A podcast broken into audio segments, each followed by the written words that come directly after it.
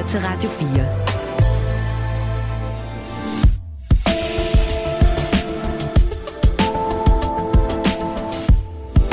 Velkommen til Hovedet og Halen.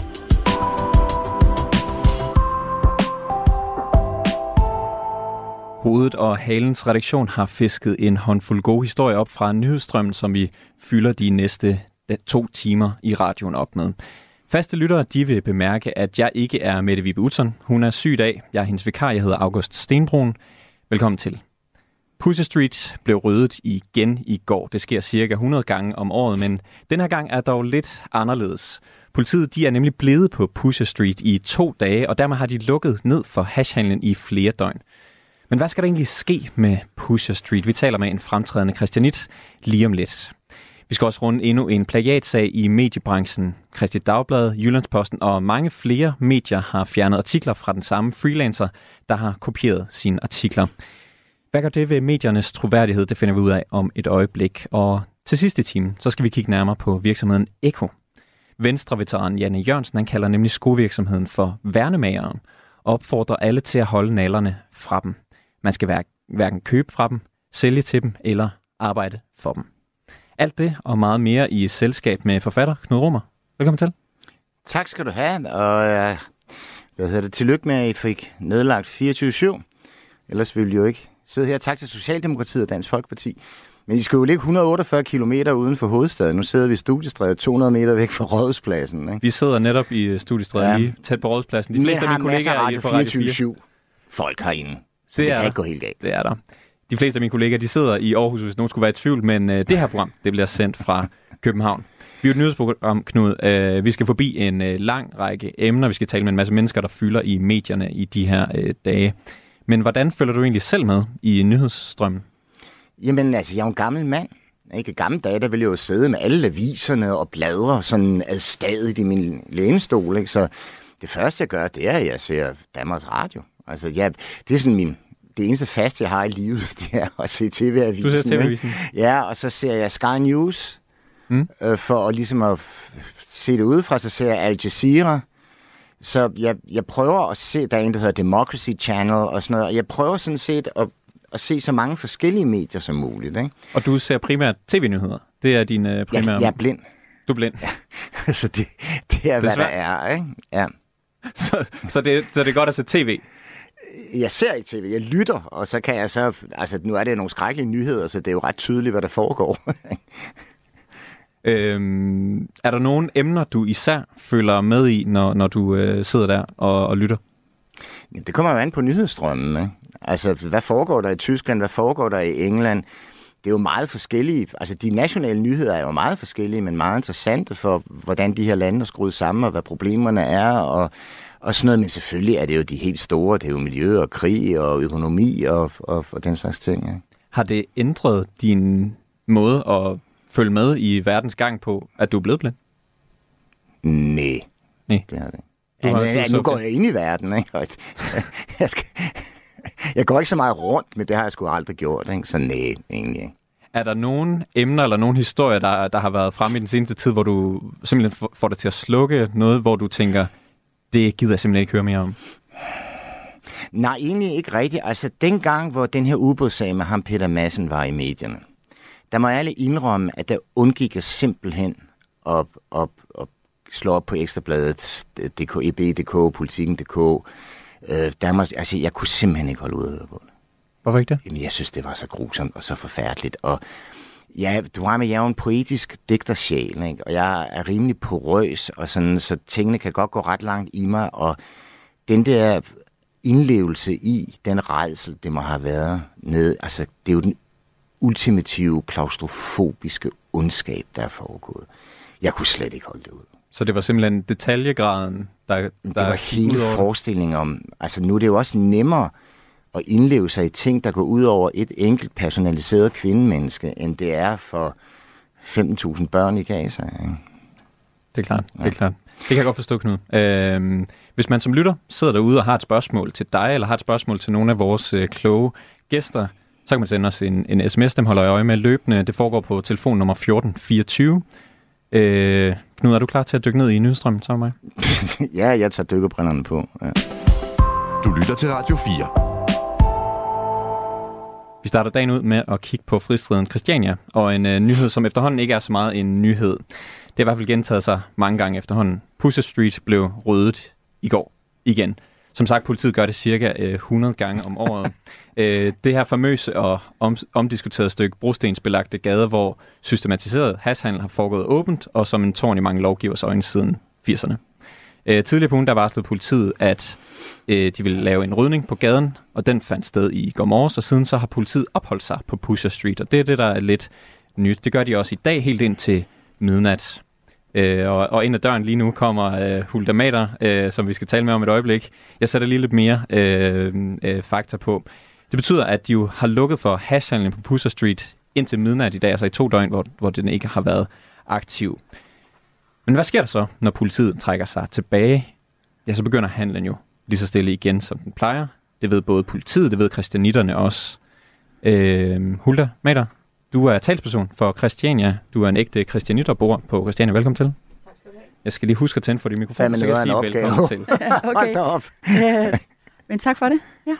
Øhm, politiet, de røde Pusher Street i går er fortsat til stede. Tidligere der har det jo lyttet sådan her, når, øh, når det skete. Hvad er det for en opførsel? Hallo, men det fucking hash, mand! Jeg er fucking sammen, mand! Jeg mener det! Fucking helt væk! Forstår mig de kollegaer, mand! Det var en egen kritik, der! Hulda, hvordan forløb det i går? Jamen, ja, det er jo en del af en længere proces, hvor, hvor politiet har lavet sådan nogle tilvændingsnedlukninger. De første var nogle timer, og så, så det efterhånden øh, blevet til, at det nu er to døgn. Og jeg tror sådan set ikke, der er nogen, der ligesom reagerer så voldsomt på det mere, fordi jeg tænker, at øh, dem, der sælger has, de går hjem og holder en ferie, eller også så gemmer de sig andre steder, hvor der ikke er politi. Sådan plejer det at være. Hvorfor tror du, at øh, det har ændret sig, at det ikke er så voldsomt længere? Jamen det er jo fordi, for det første bliver det anno- annonceret, hvornår de kommer. Altså ellers er der jo normalt det, at når de ikke har lavet de her lukkedage, som de har annonceret i forvejen, så kommer de jo og rydder ind imellem øh, et par gange om ugen. De boder, eller, som, som bliver bygget op imellem hver rydning. Så, Knud- Knud, du sagde lige før, at det var noget af en opgave, Hulda var ude på. Hvad mente du øh, med det? Har du nogensinde været til et fællesmøde? om jeg har været til fælles med Nej, jeg mener, jeg spurgte dig. Jeg, jeg har ikke været til Det er jo anarkist, mand. Det er jo, der, er jo, der er jo lige så mange meninger, som der er mennesker, og, og det er fantastisk, det er jo ikke, altså, at det kan lykkes. At de kan blive enige om noget, og der kan være en talsperson, der kan tale på alles vegne. Det er da fantastisk. Ej, her vil, jeg så sige, at det gør jeg nok ikke. ikke på alles vegne. Nej. Det gør jeg ikke. Nej, men det er noget af en opgave. Ja, det er... Altså, det, det vi blev enige om, det blev vi jo enige om efter den der fuldstændig vanvittige episode, eller ikke episode, men det der drab, øh, hvor der kommer to sortklædte fyre ind, og så skyder vildt omkring sig, og likviderer en person og, og rammer nogle kristianitter og en enkelt øh, spansk turist. Øh, og det, det var så voldsomt, så vi sagde, det her, det, det må høre op. Og, og lige nu der er det jo sådan, at øh, politiet de, er, de blev hele dagen i går på Pusher Street. De bliver der hele dagen i dag indtil midnat, men man kan vel forvente, at, at når de smutter igen i morgen, Ja, så, ja. øh, Ja, ja, så, så. kommer hashhandlen tilbage. Ja, ja. Jeg har sagt det et par gange allerede. Pusher Street bliver ryddet omkring 100 gange om året, Ja. og hver gang så vender de tilbage Ja. på hashhandlen. Kan du ikke forklare, de er også der ikke dagligt kommer på Christiania, hvordan foregår det, når handlen starter op igen? Altså, hvordan ser det ud? Jamen altså, for det første så vil jeg sige, at jeg lige kørt igennem gaden nu, for ligesom at lige at tjekke scenen ud, fordi ellers, vi øh, almindelige kristine er sådan set holdt op med at komme i gaden efter det her, øh, den likvidering, fordi det er, det er nogle meget kriminelle bander, der står dernede, og vi har ikke lyst til at komme i konflikt med dem. Vi har kørt igennem i dag, og der står øh, folk rundt omkring. Der er ikke så meget politi. Der går, det som vi kalder tivoli, tivoli-hatten rundt, det er det her med de hvide hatte, ikke? Og, øh, og ellers var der, kunne jeg sådan set ikke se noget politi. Men folk står sådan, øh, og de står jo på sådan en afventende måde, øh, så man tænker, at de står bare og venter. Og måske møder de en eller anden, et eller andet mørk hjørne, der sælger et eller andet, det ved jeg ikke. Men Og så når de øh, fra i morgen af vil begynde at gætte på at bygge boder op igen, altså hvor- hvordan ser det ud, når, når de øh, hvad kan man sige, kommer tilbage det ser det ud ligesom det plejer. i løbet af ingen tid? Ja, i løbet af ingen tid, ja. Det gør det.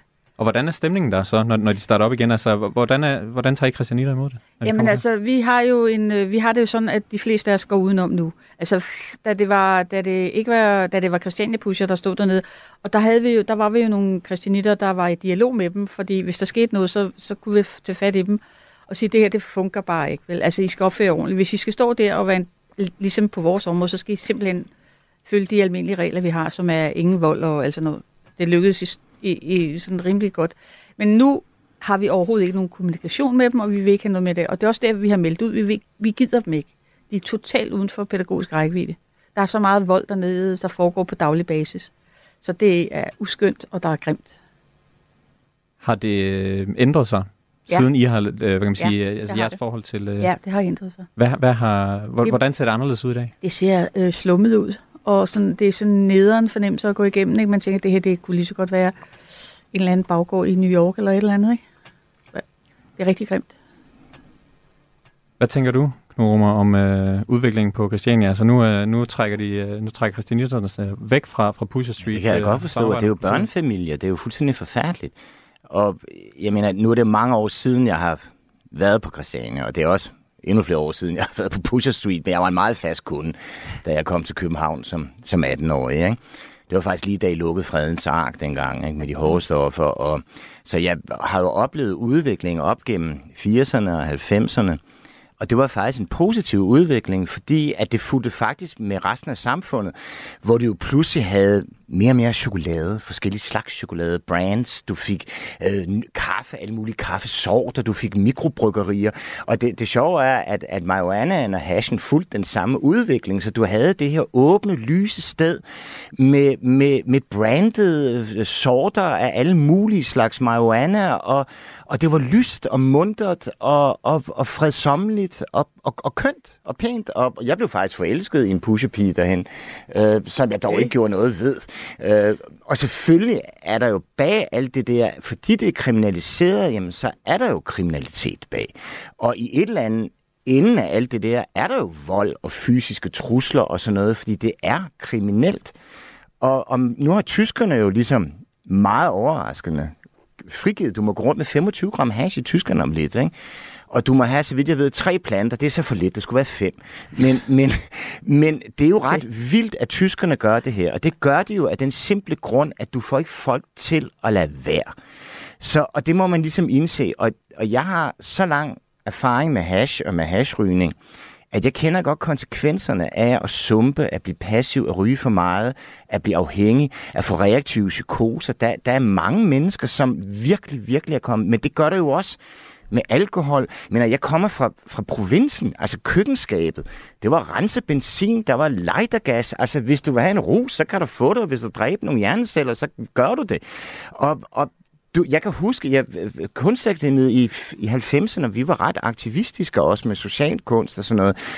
Og der, der Københavns Kommune ville jo have pengene tilbage for det kunstværk, som viser sig at være det første fikserum på, på Vesterbro, fordi de vil hellere kriminalisere mennesker, som selvmedicinerer sig selv, og de tager ikke heroin, fordi det er sjovt. De gør det, fordi det her det er nogle udsat børn, som har oplevet noget, hvor de virkelig skal hjælpes. Så kriminaliseringen er skyld i det her. Ikke? Hulda Rummer startede ud med, med det her billede af, af mikrobryggerierne, kafferesterierne, der, der skyder frem på, på Christiania. Og at, Nej, ikke og, på Christiania, rundt og, om Christiania. Rundt, rundt om Christiania, og, og at hassen også øh, blev, blev bedre, Jamen, og der var det- lysere i, i sin tid. Er, er, det, øh, er det et billede, der fandtes? Altså, var det? Jamen, det var Bedre. jo sådan så, at... Øh, Og fredeligere at, i gamle dage. Altså, det var jo sådan Pusher Street, det var, det var et stort øh, sådan, øh, åbent supermarked, hvor hver eneste bod, det, det var jo sådan, at, at de havde øh, flaskegasvarmer stående nedenunder, så, så det, som de solgte fra, var opvarmet om vinteren, så hassen ikke blev hård, ikke? og folk kunne komme og... Og man kunne og, lugte den. Ja, altså, det var en total øh, super åben ting, og folk, de synes det var så spændende, ikke? Og der var godt nok nogle typer, der indimellem var lidt interessante, men, men for det meste så opførte de sig ordentligt. Og hvis de gjorde noget, så gjorde de ikke noget mod Christianita, eller slet ikke kunder, som det sker nu, ikke? Og, og, og så er det jo så blandt andet det her skyderi, der, der skete for ikke så længe siden, der har gjort, at nu er det slut. Jamen, nu, der- nu har I kottet der har været et par skyderier før, og der har været drab i gaden. Der har været et, hvor der er en christianitdreng, der blev dræbt i stedet for en anden, der skulle have været. Og så det her, det var simpelthen så råt. Det var sådan rent Ja, men altså, ud, ikke? udviklingen var jo, at jeg tror sidste gang, jeg var derude, og det er altså et stykke tid siden desværre, men jeg kan ikke, ja. jeg kan ikke tåle det mere, jeg er blevet for gammel. Hvad hedder det? Der, det var jo gået fra de her delikatesseboder til at være øh, sådan noget, øh, øh, hvad det hedder, når man skal skjule ting i Ja, krig. ja, der, der, der, var, der var net ned foran, Net, og, og det de havde står masker hud, på. maske på, så står de med sådan nogle butterfly-kniv. Det var så dybt ubehageligt, kriminelt, livsfarligt. Ja. Og det var, det, var, det var et mareridt, det havde udviklet sig til. Ja, det, havde, det, det skete jo, fordi at der havde været to slags øh, politiforretninger. Den ene hed Nordlys, hvor man øh, øh, i 16 fjernede alle Christiania-pusher fra gaden. Og det gjorde jo, at der blev et vold- voldsomt fint vakuum for, at der nogle rigtig ubehagelige typer kunne komme ind. Ikke? Og det er, der, det er fra det tidspunkt, der er det på vej ned. Ikke? Stille og roligt ned af... Og, Jeg kan faktisk huske dengang, de ryddede Pusher Street for alle dem, jeg kendte. Ja. Og der kendte jeg blandt andet Albert fra Alice. Ja. Og på det tidspunkt, altså jeg har jo virkelig haft mærkelige jobs. Og jeg arbejdede på det tidspunkt i Vesterfængsel som læger. som deltidslæger. Og første gang, jeg var ude og hente fangerne fra deres celler, det var lige da de havde knaldet Pusher Street, og ud af cellen kommer Albert. Han tror så, at jeg også er blevet knaldet. Så han tager mig hen og så siger, hey Knud, ikke noget problem. Klamp, kampen om klumpen, jeg har noget til dig. Så tænker jeg, jeg har alligevel begået mig så godt i København, at jeg ville kunne score lidt hash i Vestre Fængsel. Øhm, Hulda, er der, er der et samarbejde nu mellem Christiania og, og pusherne, eller er det fuldkommen, Nej, øh, det er, der, der ingen ikke. kontakt? Nej, nej, der er ikke nogen kontakt. Hvad Det kan er det der være?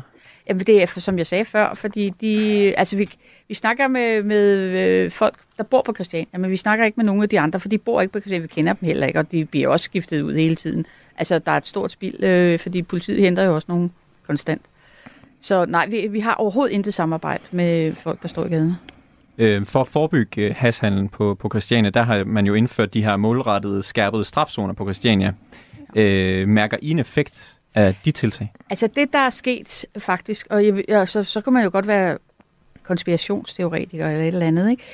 Men det, der er sket, det er, der, at jo øh, i foråret, eller i sidste, ja, det var i 22, der kom der et oplæg fra, for vi havde lavet en aftale med, som jeg også har været med til at lave fra, fra 12, der gik fra 12 til 22, hvor vi havde lavet den her aftale med, at vi øh, købte noget af arealet, vi lejede øh, noget jord, vi købte nogle bygninger, og så var der nogle bygninger, eller så var der jord og bygninger, vi bare lejede.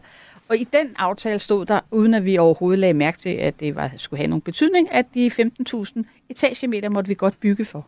Vi må godt bygge på Christiania. Og tænkte, jamen det er fint, vi har ikke en rød reje til at bygge for, men skidt, det er da dejligt, det er der. Og så kommer der den her nye aftale, der kom sådan en ny øh, departementchef, der ligesom sagde, ved I hvad, øh, jeg kommer nu her, det her det er i februar måned, nu kommer jeg, øh, vi, skal, vi skal ligesom øh, revidere tillægsaftalen, vi skal lave en tillægsaftale til aftalen, og det går ud på, at vi bygger 15.000 etagemeter almindelige boliger på Christiania, og hvis I ikke vil gå med til det, så er det bare ærgerligt, fordi så kan I ikke få lov at låne nogle penge, så kan I ikke få lov til noget som helst. Og så sad vi bare sådan lidt fuldstændig lammet i... Og så tænkte vi, at det er puh her, ikke? Fordi det var ikke lige det, vi havde set for os, at vi skulle bygge almindelige boliger øh, på den måde. Men der var lavet en aftale med alle partierne, og, øh, og så gik vi i gang med nogle og snakke med os selv og forhandlinger og alt muligt andet, og så besluttede vi os for, at vi ville sige øh, ja til at prøve at lave en plan. Og det, det, det er vi så i gang med. Samtidig kommer så det her med Pusher Street, ikke? Og, Så- og, kan du løfte lidt af sløret for, hvad, hvad er det, I godt kunne tænke jer, der skulle ske på Pusher Street i fremtiden? Jamen, det vi er i gang med nu, det, vi, fik jo, vi blev indkaldt til et møde med øh, justitsministeren og overborgmesteren i København øh, på Rådhuset, og der blev vi så enige om, at der skulle nedsættes en arbejdsgruppe, der skulle arbejde med, hvordan kunne man forestille sig, at Pusher Street ikke var der mere, eller hvad der skulle ske. Ikke? Og det, det sidder vi stadigvæk øh, 10, nu her 10 måneder efter og ligesom kæmper med. Og vi er blevet enige om på Christiania efter utallige, utallige møder, at der er ting, som vi gerne vil... vil altså, vi, vi er alle sammen enige om, at, at Pusher Street er nok en død sild, ikke? Og, og så skal der være noget andet dernede. Men vi har jo ikke sagt noget om, altså hvis... Øh, vi har sagt til politiet, at hvis I skal lave noget i Pusher Street, så skal der være det, der hedder et hvidt lærred, eller tabula rasa, ikke? Altså, der skal ikke være nogen pusher. Vi skal ikke stå og, og, og være, øh, arbejde under en politibeskyttelse. Det vil vi ikke. Så hvis de kan få de her øh, mennesker til at gå væk, så vil vi gerne øh, renovere Pusher Street, og så vil vi lave nogle legepladser og bygge nogle andre ting, som gør, at, at øh, vi fremstår lidt mere øh, venligt og fredeligt. For det, der er sket efter øh, alt det her, det er jo, at politiet har jo ligesom gået med en meddelelse om, at Christiania faktisk er et farligt sted at være. Og det vil sige, at der kommer ikke nogen kunder. Altså alle vores øh, virksomheder, og de er jo gået rigtig meget ned i indtægt, sådan så øh, Christiania er faktisk, øh, vi, vi er ved at være lidt trængte, fordi Men er det ikke et farligt sted at være? Så Nej, du sagde selv, altså- der har været sk- skyderier. Er du, er du ikke bange for, for pusherne? Tag en anden indgang. jeg, jeg har aldrig nogensinde været bange på Christiania. Jeg er gået rundt op på voldene klokken 3 om natten. Altså, nej, jeg har aldrig nogensinde været bange. Og, og så kan man bare lade være. Altså, det er jo derfor, vi flyttede i, øh, i 84. Vi, vi, vi, øh, vi, vi lukkede hovedporten nede på hjørnet, og så lavede vi en ny indgang, og så lavede vi en gul streg. Øh, og så sagde vi til pusherne, I skal være der, fordi bag den streg, og det respekterede de, så kan folk gå ind på Christiania uden at gå ned gennem Pusher Street. Er, er du bange for pusherne, så? Øh, altså, jeg vil ikke sige, jeg er ikke bange for Christiania-pusherne, men jeg er ikke tryg ved dem, der er der nu. Jeg kender dem ikke. Altså, de Skulle kender heller ikke mig. tage, jeg har hans telefonnummer, hvorfor ringer I ikke til Olafur Eliasson?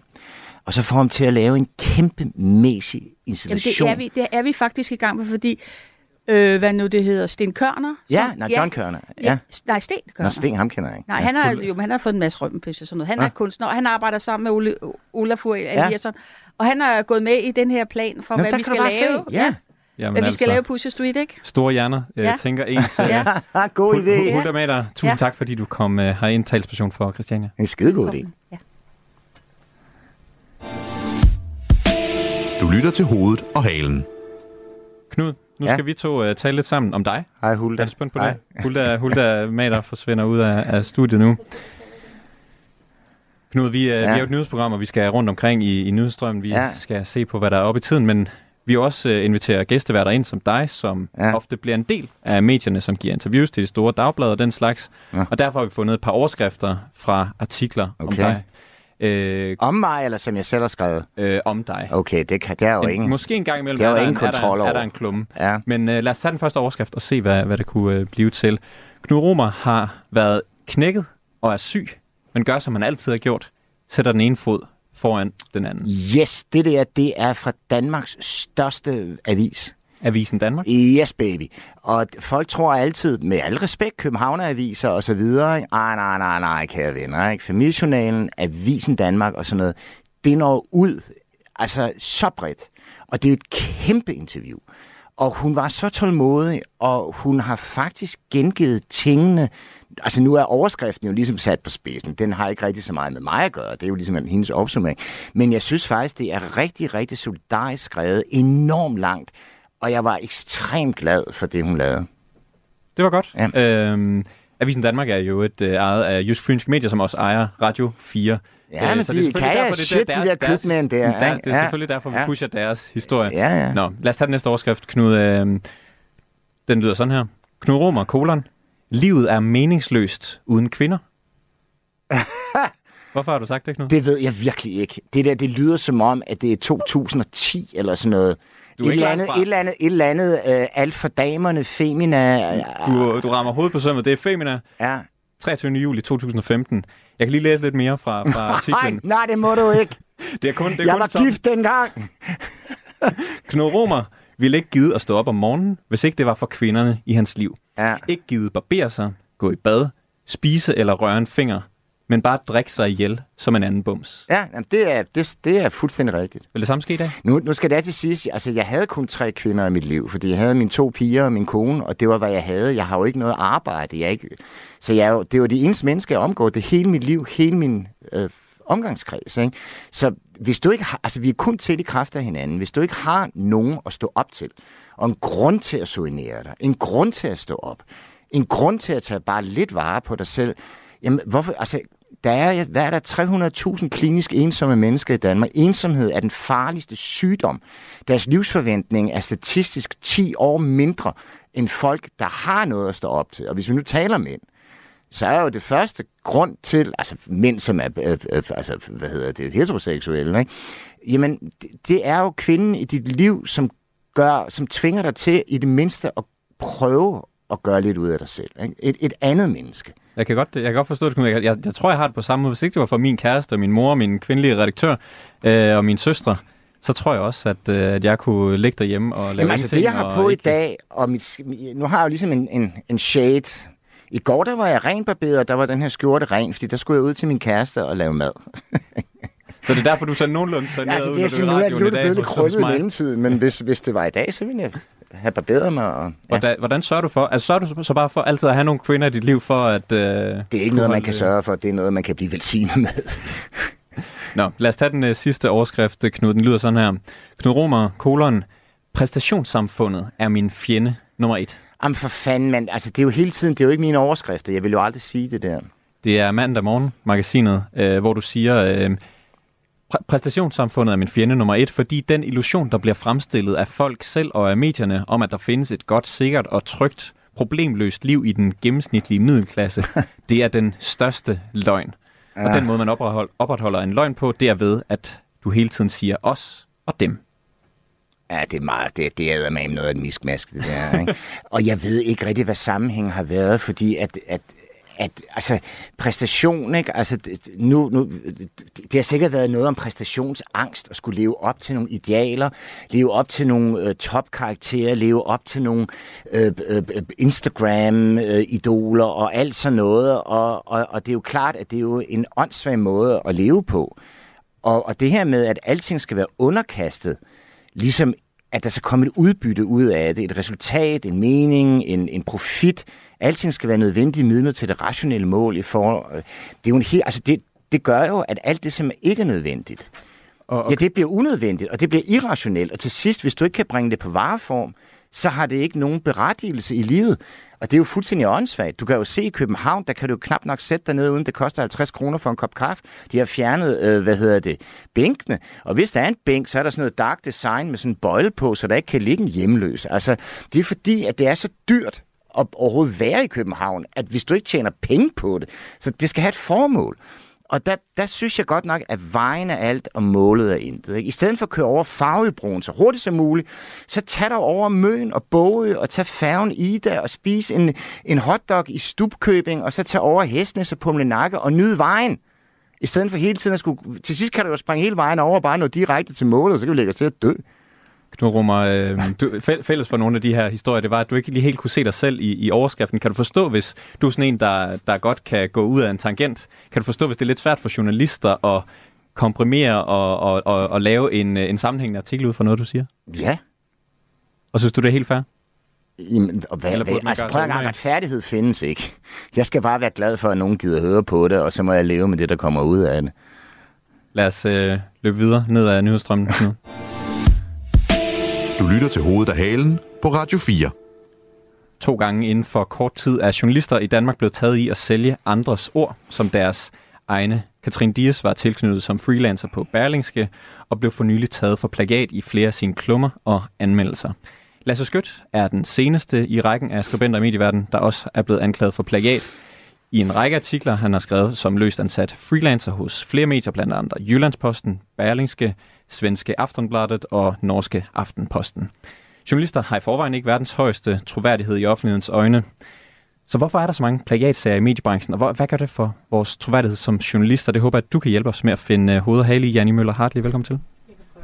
Jeg husker lige endnu en gang at tænde for din mikrofon. Det glemte jeg også ved vores sidste kilde. Jeg beklager, jeg er ny i det her studie. Velkommen til.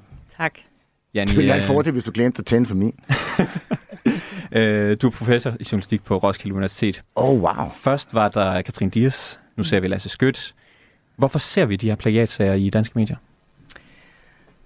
Det er et ret kompliceret spørgsmål, og det skal jeg måske sige som forsker, men, men der er ligesom nogle, øh, der er nogle forskellige årsager til det, og blandt andet så kan man sige, der er selvfølgelig øh, den grund, at øh, der er øh, en masse strukturelle ting i mediemarkedet, som gør det rigtig svært for nogle af de her freelancere at få det til at hænge sammen. Øh, et masse løst ansatte, der, øh, der ligesom skal få, øh, få økonomien til at hænge sammen, og det gør, at man er tilknyttet rigtig mange forskellige medier på, og måske også er under et enormt stort tidspres for at få de her. Så det, og det tidspresset er jo også i medierne generelt, det gælder jo ikke kun freelancer, men at man ligesom skal producere mere på kortere tid. Og så Øhm. kan man føle sig fristet til at sige, hvis jeg skal lave otte artikler i dag, øh, så kan det være, at de fire af dem, de, øh, de bliver nappet fra andre steder, for, for jeg kan nå det, for jeg kan få pengene til at passe, og boliglån og alt det der. Lige præcis. Og så ja, tror jeg, det er sådan en almindelige glidende overgang, altså hvor man så ligesom i starten måske øh, tænker, det er bare et citat, jeg ligesom mm. tager, og, og det er jo noget, altså det her med at citere og bruge andre mediers idéer og, øh, og citater, det er jo noget, vi ser i journalistikken generelt, så på den måde er det også en hårfin grænse mellem ligesom at, at skrive citathistorier, og så lige pludselig øh, ligesom overtage hele historien, uden at kreditere. Det er ligesom det, der er det afgørende her også, ikke? Knud, du, øh, du klappede, da, da Janni hun øh, fortalte om øh, de hårde vilkår for freelancer i mediebranchen. Er det noget, du Vi er, sætter... de, vi er de ulønnede indholdsproducenter. Præcis. Altså, faktisk, at I betaler mig 2500 kroner, det er første gang, jeg har oplevet det nogensinde. Altså Radio 4 betaler dig for at være gæstevært i dag. Prøv at det er et uh, P1-debatten, P1-kulturen, Svend Brinksmans Brix, uh, Deadline, uh, debatten på DR2. Prøv alle omkring mig tjener penge. Receptionisten, alle. Jeg sidder og bruger en, jeg forbereder mig og bruger en time, og det er jo ikke, fordi jeg ikke er glad, for jeg ved, hvordan det ikke er, og er ikke at have noget, skulle have sagt. Jeg kommer trods alt fra Falster og tyskersvin, så jeg ved godt, hvordan det er at være uden mund. Og jeg elsker det. Men på et eller andet tidspunkt, jeg kan ikke leve af. Og folk tror, jeg er millionær, fordi han er jo ditten og det og det, og så er der et interview, der har jeg ikke fået nogen penge for. Så er der ditten, der har jeg ikke fået nogen penge for. Så bruger du tre timer med en Euroman-fotograf, som skal prøve at få dig til at ligne en menneske, for jeg har ikke nogen penge. Så alt det her er ulønnet. Og, og vilkårene for freelancer, og vilkårene for kunstnertyper, altså kunstnertyper, ikke? Hvad hedder det? billedkunstnere får ikke penge for at udstille på et museum. Det er dem, der har skabt udstilling, men de får ikke en krone. Musikers takst er så lav, at alle kan leve af billetindtægterne. Og Tuborg gør noget ved musikken. Nej, gud gør de ej. De tjener bare tonsvis af penge på fadøl. Der er ingen af os, der kan leve af det, og der er ingen, der er villige til at betale for det, fordi man har vendet sig til, at indholdet er gratis på internettet. Der er ikke en kæft, der er der 3.000 podcasts i Danmark nu. Er- Kender du nogen i en kreativ branche, der ikke har en podcast? Men du kan jo ikke få en menneske til at betale penge bag en betalingsmur. Politikken, bærlingerne og sådan noget, jamen, de dør jo langsomt bag den der betalingsmur. Det er ubetalt indhold, der er blevet til, til hvad hedder det, ligesom standard. Det er vanvittigt. Mm. Og, og Janne, hvis vi så vender tilbage, så vi kan jo se, at øh, det er jo noget, der frustrerer øh, free, freelancer. Ja, det er da klart, jeg kan jo ikke leve af det. Forståeligt. Øh, Jeg vil lave en fagforening. Generalstræk nu, du kan jo bare ikke få de der murbrækkere til at gå med til det. Så bliver jeg Altså, du vil lave- fagforeningsboss. du vil lave jeg bliver Preben Møller folk, Hansen, du. er- Så laver vi, så laver vi, hvad Du- fanden. du vil lave en fagforening for folk, der stiller op i medierne, altså for kilder øh, i medierne. Jamen problemet er jo også, og det kan du jo fortælle om, det er, at du kan jo ikke betale mennesker for at have en mening. Så kan de jo bare varegøre meninger. Hvad mener jeg i dag? Ja, hvis jeg får 2500 på det, så er jeg øh, Dansk Folkeparti, eller hvis jeg, hvis jeg vil have, at jeg skal være øh, øh, enhedslisten, så er jeg det bare, jeg får penge for. Ikke? Det er jo uha, ikke? Mm. Men det ved du mere om mig jo. Lad os, lad os vende tilbage til de konkrete sager, Janni. Altså, øh, Lasse Skødt og Katrine Dias, det er de seneste to, vi har set. Øh, når man laver øh, kommunikationsbyrået Radius, de laver øh, hvert år en øh, troværdighedsanalyse over de mest troværdige faggrupper. Sidste år der lå øh, journalister som på en 24. plads ud af 26 mulige. Vi ligger og råder rundt sammen med bilforhandlere og, og, politikere som de mindst øh, troværdige. Øh, når vi så ser de her sager, er det, er det et udtryk for, at journalister generelt set er utroværdige? Øhm, man kan sige, at det sætter i hvert fald en, øh, en plet på den troværdighed, som i forvejen er presset. Øhm, så, så, så på den måde har det jo en betydning, at man ligesom, øh, og som bruger tænker jeg også, hvad vil, du, hvad vil du betale for, hvad er det for et produkt, du ligesom køber, når du, øh, når du så ligesom læser, at det hele er ligesom planket fra andre medier, eller har den der fornemmelse af, at det er de samme historier, der kører rundt på alle medier. Så tænker man jo også lidt, hvad er særligt ved det her produkt? Skal jeg virkelig betale øh, 4.000 kroner om året for det, øh, eller via licensen, eller hvad det nu er, vi betaler for. Ikke? Så, så der er i hvert fald en eller anden kontrakt med læseren om, at, at der skal være noget særligt, og der skal være noget særligt troværdigt omkring journalistikken, som jo får nogle hak i, i risen, når, det, når der lander sådan nogle sager her på... Øh, Ja. Jeg, jeg tror, en af, altså der er forskellige grunde til det, og det ved du også bedre, men altså det ene er jo hungeren efter en kilde, at det Ja, kommer ja, ja. et sted fra, at det er virkeligt. Og nu er det jo et ocean, det er jo et ocean af information, hvor du ikke længere har på fornemmelsen af, hvor kommer det fra? Mm. Og den der, det der øh, ønske om oprindelsen, kilden, det er jo et, et ønske, som i virkeligheden er en illusion. Altså, hvilken kilde? Hvem står inden for ret? Altså, hvem har ret? Hvem? Hvis du spørger to søskende om en jul, så mener den ene, den var god, den anden mener, den var dårlig. Og jeg tror, det er den ene ting. Og, og jeg må så sige det her med Katrine Dias. Det er endnu et hak i troværdigheden på nyhedsstrøm og journalisterne. At det kan blive til sådan en storm med den stakkels kvinde, der er blevet brugt som en orm på krogen af et nyhedsmedie, der vil få ynge deres, i håbet om at få ynge deres læsere, og så få en eller anden stakkels Instagrammer til at dumme sig gang på gang på gang på gang. Og, og de har jo brugt hende som lokkedu. Det, hun er misbrugt, hun er et offer. Jeg synes, det er så slemt, og jeg mener et plagiat, det har du forstand på. Jeg tror, du skal have plagieret 80 procent for at du kan gå i retten med det her som et plagiat. Jeg er selv blevet plagieret, dengang jeg var en lille dreng, og skrev fotokopieret blad, og hvor folk synes, det var fedt at stjæle ting. Altså, jeg skrev, kan jeg huske, jeg skrev en, øh, en, en, en jeg havde brugt overvis på det her. Reinhold Amann, verdens største ekspert i banord. Så fandme, så finder jeg den afskrevet. 90 procent i en af de største danske aviser. Så skriver jeg til dem, hvad, hvis I så godt kan lide mine artikler, hvorfor fanden afviser I dem altid, eller giver mig penge? Og jeg kan huske, de var ligeglade. Og det er de samme, der nu sidder og hykler over de andres plagiering.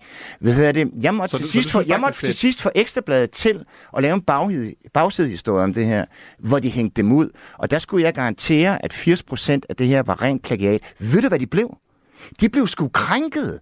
For det sjove er, at når, når, når krænkerne bliver, bliver sat til væk, så bliver de krænket over, hvad bilder du der ind og sådan noget. Ikke?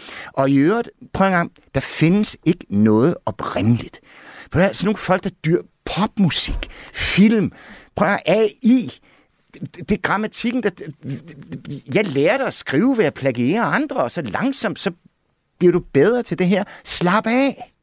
Altså, så Knud, mm. du mener både, at der, altså der, det første troværdighedsproblem, det kommer ligesom af, at den er plagiat, men den, det større plagiat, eller det større troværdighedsproblem, det opstår i, i den øh, historie, der bliver skabt om Katrine Dias' plagiatsag. Altså, at ja, de ikke bliver, beskytter hende hvad på Berlingske? Medias Prøv en gang, altså hvad med at nakke landbruget? Eller hvad med at interessere sig? Hvad, hvad er det for noget? Og den der stakkels kvinde, ved du hvad? Hun har aldrig kunne, hun har jo ligget i fosterstilling hver gang hun er blevet lokket til at dumme sig på Instagram. Og så får de skandalen af berømmelsens mor. Hun betaler prisen. De får nogle kliks og noget, noget opmærksomhed. Jeg synes, det er, jeg synes, det er så synd for hende. Jeg, Øhm. jeg synes virkelig, det er en skændsel, det der. Knud han taler jo her om, om mediernes ansvar. Altså, mm. når, når vi ser på den her øh, troværdighed, der, der, er, der er lav og har været lav lige så længe. Jeg har øh, interesseret mig for journalistik, det er ikke så længe, øh, øh, i hvert fald i forhold til, til jer to, men den har i hvert fald været øh, lav i, i mange år. Hvor stor et ansvar har medierne, redaktørerne, øh, journalisterne selv for, at øh, troværdigheden er, hvor den er? Jamen, de har et kæmpe ansvar, og de, øh, man kan også sige, at mange af de her sager, der, der tager de ikke de ansvar alvorligt. Altså, de, øh, de glemmer lidt, at, at de tænker netop, som Knud siger, om der er, der er nogen, der sender mig en billig artikel, og så øh, printer jeg den, og du har ikke noget kontakt med den journalist formentlig undervejs, og du har ikke øh, en løbende checks and balances på, hvad det der foregår i den proces. Har han virkelig snakket med den øh, øh, islandske statsminister, eller hvad, hvor kommer det her fra? Ikke?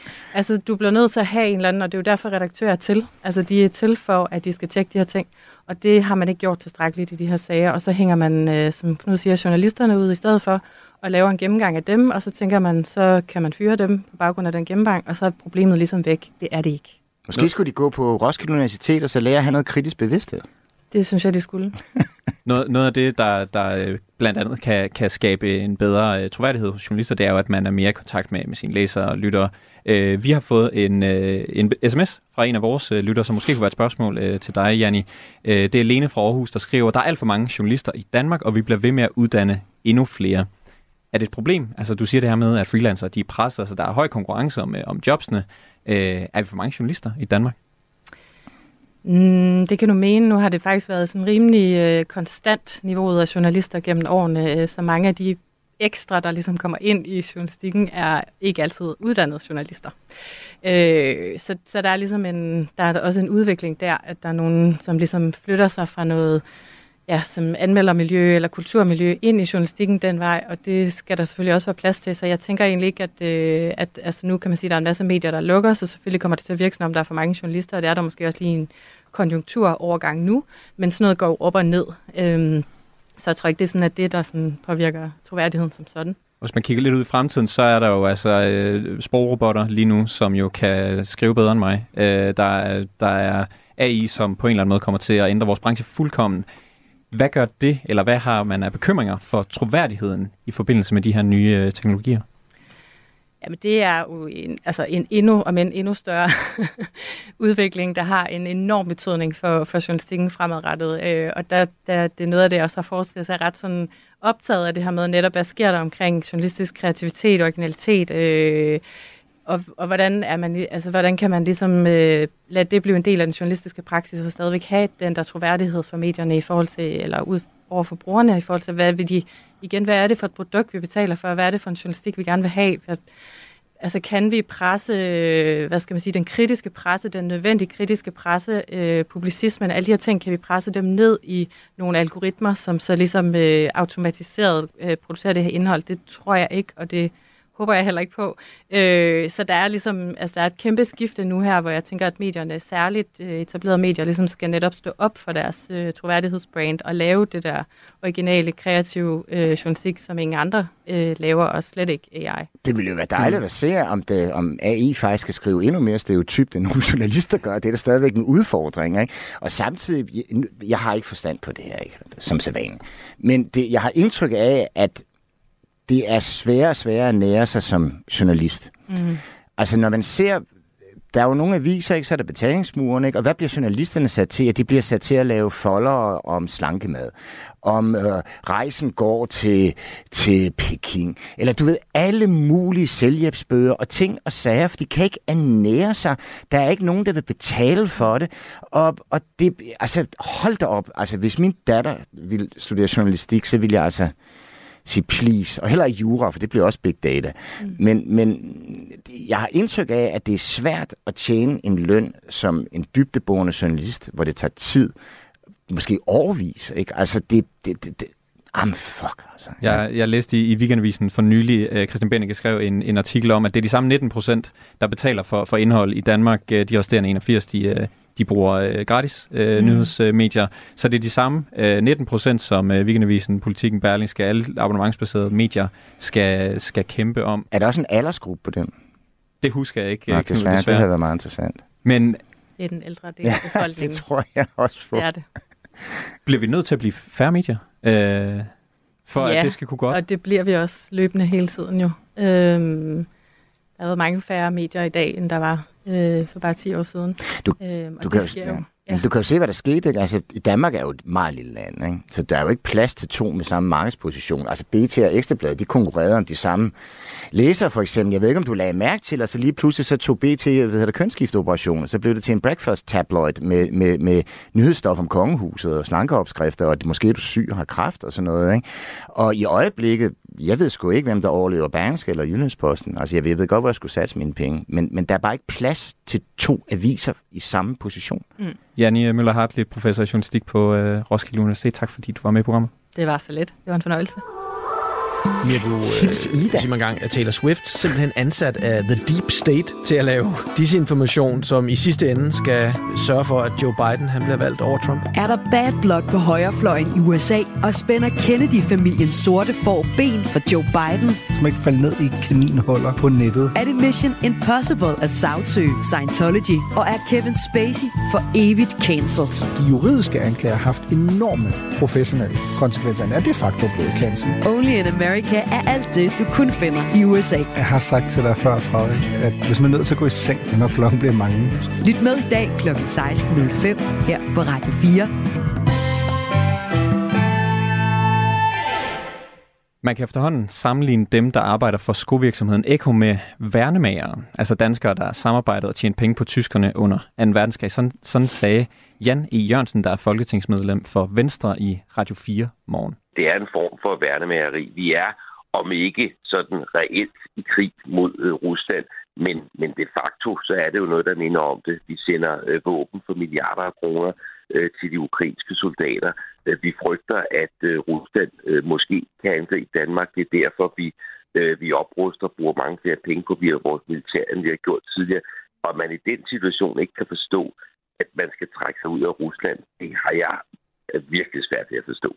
Så lyder det altså fra Venstres uh, Janne Jørgensen. Kritikken der kommer, fordi Eko de stadig driver forretning i Rusland, mens andre danske virksomheder har trukket sig ud uh, for længst.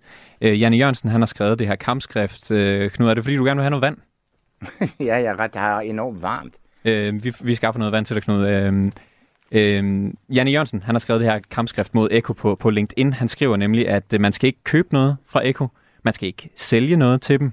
Man skal ikke arbejde for dem, og man skal ikke sælge deres, øh, deres produkter. Knud, hvad er dit forhold til, til, til virksomheden Eko? Mit forhold? Ja. Jamen altså, åh, ikke, børnehavepædagogerne gik i dem i 70'erne. Så blev de moderne igen i 90'erne, da der var retro. Den evige gentagelse er det samme som nyt, hvor man købte jo sin mormors badeforhæng i UF, øh, og det skulle, det skulle være det hæstlige æstetik og sådan noget, ikke? og så gik man rundt med dem. Det var sådan noget hipstertøj, ikke? Øh, og, og så faktisk, så prøvede man jo så at relancere Eko i 90'erne, sent i 90'erne, og få dem træt mod af den fodformede, og give dem et nyt image. Og der, jeg, jeg sad faktisk på de bureau, som lavede Walkertron. Og, Walkerton, som er Ekos Ja, årlige, altså da vi skulle øh, relancere. Eko, og, og jeg kan huske, min direktør, han var sådan, åh, han var jyde. Og han var sådan meget, han vidste godt, hvad der skal til for, at et produkt faktisk har mening og bliver købt, i stedet for at det bare er smart. Fordi min første kampagne handlede egentlig bare om, at man hele tiden efterlod fodaftrykket af en ekosko alle mulige steder. Altså i panden på en udsmider, der var væltet omkring, eller på månen, eller du ved, sådan en smart, øh, øh, ikonisk ting, men, men den tilfører jo ikke nogen værdi til produktet. Det er jo bare sjov. Det er bare brandet, man ser ja, det mere. Og, ja. og, og der, der, der opfandt vi så faktisk det her Walkatron, ikke? som en måde, og, fordi den er jo i konkurrence med sneakers og med løbesko med Nike og sådan noget. Hey mand, hvis I sætter jer på de her folk, der løbetræner i sådan en, en afmægtig, lidelsesfuld selvdisciplinering, hvor de piner sig omkring, så lad os da tage dem, der er stadigt og fornuftigt går i deres fornuftige sko og går. Ikke sandt? Og, så, og du kan jo se, hvad der er sket med Caminoen og alle de her ting siden, og vandrestave og sådan noget. Det var ikke nogen dum idé. Så du øh, opfandt Nej, det Caminoen? gjorde jeg sgu ikke. Jeg var, jeg var med til det, ikke? men øh, nej, nej, nej, den kan jeg ikke sætte mig på. Så, så du, du var med til at lave den her årlige gåtur, så, som, som Eko laver for at skabe opmærksomhed på brandet? Jeg var, jeg var en del af det. Ikke? Du, øh, hvis nu, at øh, de kom i dag eller i morgen, ja. Og ville have dig til at udvikle øh, deres nye rebranding for, hvordan de kom øh, væk fra det her Ruslands øh, image, vil du så sige ja til dem? Jeg synes, de skal lade være med at beskæftige sig med den. Altså, som, altså, som bror er det altid en dårlig idé, ikke? Lad dø. Altså, der, er der, er det er jo ligesom en blodplet. Når du prøver at fjerne den fra moret, så bliver den bare større og større og større. Altså, lad den ligge. Fordi der er sikkert nogen, der ikke er enige med ham der. Så lad dem tage slaget. Jeg vil ikke blande mig specielt meget i det der, og jeg må ærligt indrømme, at jeg har meget svært ved at overskue det der, hvad der er op og ned, og hvad der er forkert og rigtigt. Fordi kan Eko trække sig ud af Rusland? Fordi Carlsberg kunne jo ikke. De måtte bare efterlade hele lortet. Så, så tog den der kleptokratstat af, af gangstervælde, de overtog bare hele lortet. Så forskellen er jo, ja ikke andet, nu fa- tilfalder alle pengene, øh, øh, hvad hedder det, går til, til, til granater, der slår ukrainere ihjel. Så hvad der er rigtigt og forkert her, det, det, det, det må du skulle spørge folk, der har mere forstand på. Og, øh, og det har vi gjort. Vi har talt med forskellige kilder i den her sag. Vi kommer til at høre klip fra, fra nogle af dem. Øh, Janne Jørgensen han sammenligner almindelige danske lønmodtagere med, med værnemager under 2. verdenskrig, og det mener øh, Tilde Holk Dudal, øh, der er altså dem, der er ansat i Ego. Ja, dem, der er ansat i Eko. Ej, hold nu op, de har sgu da ikke... Han mener, at han øh, Janne Jørgensen han siger, at man skal ikke arbejde for Eko. Åh, oh, shut up. Shut up. I nogenlunde øh, samme lyder det fra Tilde Holke Dudal. Hun er folketingskandidat for Venstre i Tønder, og hun synes, det er helt forkert. Lad os lige høre fra hende. Jeg ser det ikke som værnemæreri, at folk i Sønderjylland de passer deres arbejde. Og jeg har også hørt et interview med Jan E., hvor han også trækker lidt i landet. Det er måske et lidt hårdt ord at bruge værnemærer om medarbejderne. Men øh, virksomhedens strategi, den ligger altså hos ledelsen. Ja. Det mener jeg klart, og ikke hos den enkelte medarbejder. Ja. Man kan ikke klandre den enkelte medarbejder for, øh, hvem virksomheden de samarbejder og handler med. Og derefter så hænge dem ud for, at de passer deres arbejde igennem rigtig mange år. Det mener jeg, det er meget forkert. Du giver Tilde fra, fra Tønder øh, ret, Knud. Det er ikke øh, medarbejdernes ansvar. ansvar. Der er noget, der hedder CSR. Altså, der er jo, det er jo fandme social responsibility. Ikke? Præcis. Hvem vil arbejde for den virksomhed, det er op til dem selv. Ikke sandt? Hvis de står for nogle værdier, nogle beslutninger, en politik og hvad nu end, som du ikke kan finde dig i, og du synes ikke, det giver mening, så lad være. Ja, det, det kan jeg sgu ikke sætte mig til dommer over, det der. Det, det, ja.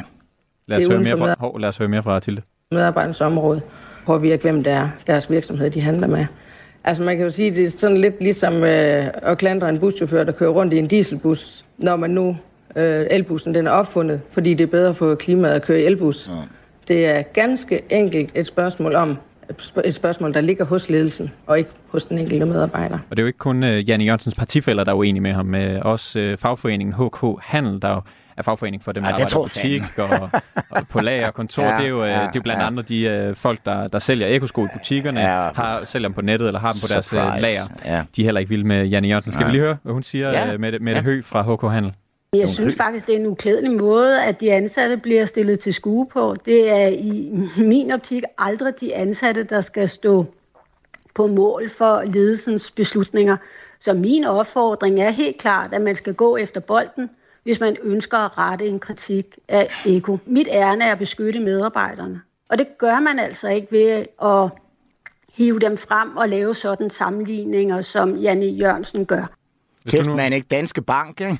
Hold da kæft, hvis alle deres medarbejdere skulle, skulle tage ansvar for deres hvidvask og deres... Åh, oh, mand, er du så færdig, ikke? Ja. Men, men hvis du nu havde en, en, øh, en lille butik, øh, Knud, øh, hvor du øh, solgt lidt af hvert, for eksempel øh, sko i forskellige afskygninger, ja. vil du så øh, forhandle Eko? Nå, men det vil jeg så ikke gøre på grund af, at de ligger i Rusland, men fordi at min mor, hun sagde til mig, at den eneste accessory, en mand må have, er sko. Allerede uret er lidt mistænkeligt. Det er sådan lidt selvoptaget. Det er sådan lidt øh, ikke?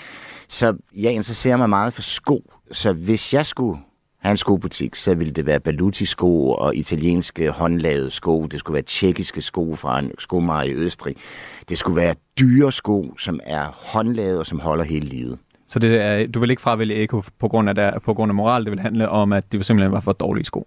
Jamen, jeg ved ikke, om de er dårlige. Det, det, det, det er bare ikke nogle sko, som, som lever op til min standard af mandsko. Hvad er du på lige nu? Der har jeg Paul Smith, faktisk, i hans signatur oliven grøn. Er du glad for dem? Ja, det er Du kan jo se, jeg har jo gået dem i små stykker. Jeg har jo ikke råd til det her. Så, så, jeg går, så plejer jeg dem jo heller ikke. Rigtige sko skal jo hvile sig. De skal ind i... Altså, jeg købte en sko, dengang jeg havde penge, der købte jeg, der købte jeg et par sko, der kostede 60.000. Det var Baluti, de koster op til 800.000 kroner for et par. Og de, du får skåret en liste over din fod. Toulouse-Lautrec har gået i dem. Warhol. John F. Kennedy var stikket randdreng i butikken. Jeg, jeg havde det par sko, det samme altså, et, et, et slags, som han havde på, da han blev indsvoret som præsident i... Øh, som amerikansk præsident, når du, de, de skinner som måneskin. Man siger, hun har fanget månelyset. Ikke? Du skal øh, hvad hedder det, puste dem i Dom Perignon champagne og venetianske linned. Hvad hedder det? Det er, det er, det er jo et kunstværk. Ikke? Øhm, inden, øh, det, uden det skal gå op i øh, accessories. Det hele så når du spørger mig om en skoforretning, ikke? Altså, ja, ja, det er min egen skyld, det, det er det helt Det er ligesom, hvis jeg skulle have et antikvariat, ikke? Altså, vil du sige, selv ladermands leksikon? Nej, men det er jo ikke, fordi jeg har noget imod leksikonet. Jeg kan bare bedre lide Chemscrot. Det var Press. en uh, blindgyd, jeg selv drejede ind af den her. Lad os lige høre det sidste klip fra, fra Mette Høgh fra HK Handel. Hun går nemlig uh, tilbage og går efter Janne Jørgensen. Lad os lige høre det. Dermed har han også selv muligheden for at skrue på lovgivningen, så det er muligt at sanktionere Eko, hvis han virkelig mener, at deres aktiviteter i Rusland bør få konsekvenser. Her siger hun jo, at Janne Jørgensen, han har jo magt, han sidder i Folketinget, han uh, sidder medlem af et regeringsparti. Han har jo rent faktisk muligheden for at gøre livet svært for Eko, hvis han vil.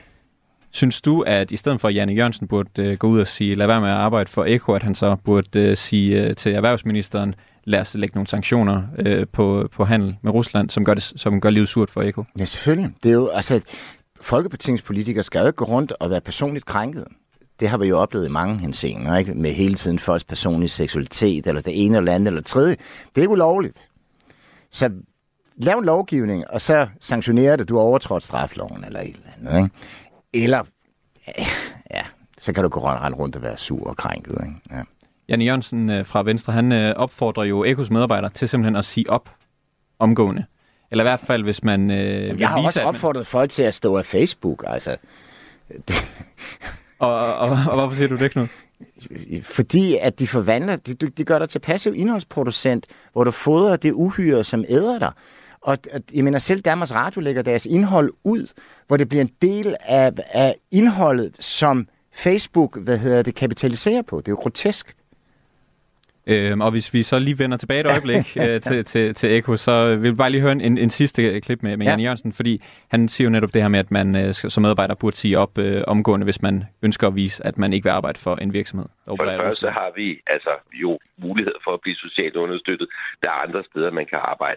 Jeg er med på, at det at sige sit job op, det er voldsomt, og jeg siger jo også, ja, man kunne så måske gøre noget, der var lidt mindre. Man kunne måske strække. Man kunne måske øh, indkalde til, til nogle møder. Man kunne på anden måde vise ledelsen sin utilfredshed. Knud, øh, du har 30 sekunder. er det privilegiebindt af Janne Jørgensen, at han siger til, til folk, der at vi arbejder har sociale ydelser. God fornøjelse. i... Ja, altså... Øh, at, Som, som altid siger, prøv det selv. er, det, er det din besked til, til Janne Jørgensen? All hat and no cattle.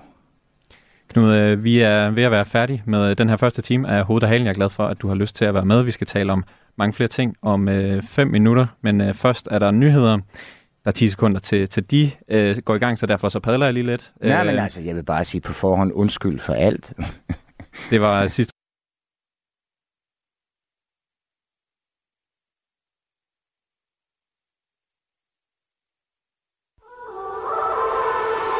Du lytter til Radio 4.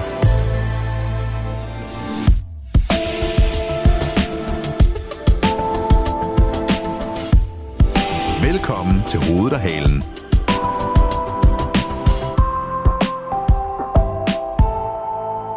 Velkommen tilbage til Hovedet og Halen. Jeg hedder August Stenbrun og kører programmet i dag. Øhm, heldigvis er jeg i selskab med øh, forfatter Knud Rummer. Velkommen øh, tilbage til... Det er sikkert en blandet fornøjelse, men tak for tålmodigheden. Det du, er, du er sød en- og flink og tolerant. Det er en stor fornøjelse. Ja, ja. Jeg synes, det er skønt. Vi har jo, øh, det er jo min, min store frygt, når jeg, det er jo sjældent, jeg sender radio i to timer i gangen, og når man er sammen med dig, så er det faktisk slet ikke noget problem, padle. fordi jeg, behøver, jeg skal bare sætte dig til det. Snakkechatollet og jammer, jammerkommoden er i gang. Ja. I den her anden time af programmet, der skal vi forstå, hvorfor magasinet Alt, det der i gamle dage hed Alt for damerne, mm-hmm. har otte mænd på forsiden af deres nyeste udgave. Et blad, der i øvrigt kommer kort før kvindernes kampdag, ikke mindst. Vi skal også se på, om det er rimeligt, at det skal være så dyrt at betale sin gæld til det offentlige af. Gældsstyrelsen de kan nemlig beslaglægge nu 60% af din løn, og den rente, man skal betale af på, øh, den kan komme op på knap 8%, og den er ikke fradragsberettiget, modsat andre gældstyper. Og så slutter vi med at undersøge, hvor meget Køge Kommune de kan sige til offentligheden om, hvordan de vil løse problemerne på Borup skole. Knud du er jo øh, gæstevært i programmet i dag, det er jeg meget glad for. Vi ser på alt, hvad der foregår i verden omkring os, mm. men vi vil også gerne lære dig lidt at kende. Hvad er øh, nyheden i, i dit liv, Knud? Brian, jeg er 63, og jeg har altid været ekstrem reaktionær. Så jeg lever mit liv i den evige gentagelse af det samme. Det er det, jeg godt kan lide. De samme mennesker, de samme butikker, den samme mad, den samme kæreste, den samme musik. Altså, så, så jeg vil helst ikke have, der sker noget nyt. Jeg vil gerne, altså, det er, altså julen er for mig det ypperste. Det er det, jeg elsker mest. Og faktisk så at måske det nye er, at jeg lige har fået, altså, fået et ja til finansiering af en julekalender, der kommer her til sidste i oktober begyndelsen. Jeg, jeg har hele mit liv, jeg har jo skrevet den her ABC, hvor som illustreret af John Kørner, sådan fire sådan små ramser. Og det er meget svært at skrive ramser på dansk. Det er svært at rime på dansk. Sproget griner af dig, ikke? Så jeg har altid drømt om at gøre det for julen, og jeg kunne faktisk først gøre det, da jeg mistede julen, fordi jeg blev skilt. Og det var min, ligesom min, altså, åh, ikke? Og der pludselig, der kom det. Og der sad jeg i to måneder og holdt jul. Altså med juletog og juledekorationer og gløk og kleiner og det hele. Og der sad jeg og rimede inde i min seng, til min kæreste sagde, Knud, ja, psykoseklokken bimler. og det er fordi, at jeg, det er mere og mere øh, fonetisk. Det, det kommer fra udtryks. Det sidste, jeg skrev, det er det, det sværeste af klichéer. Hvordan skriver du kliché igen? Hvordan vil du skrive, øh, vil du flet, øh, skal vi flette vores julehjerter sammen? Det er jo det ypperste. Men hvordan fanden vil du gøre det? Og den lyder sådan her, og så kan du faktisk høre, at jeg jo skriver og tænker på falstersk, ikke? For det lyder sådan her.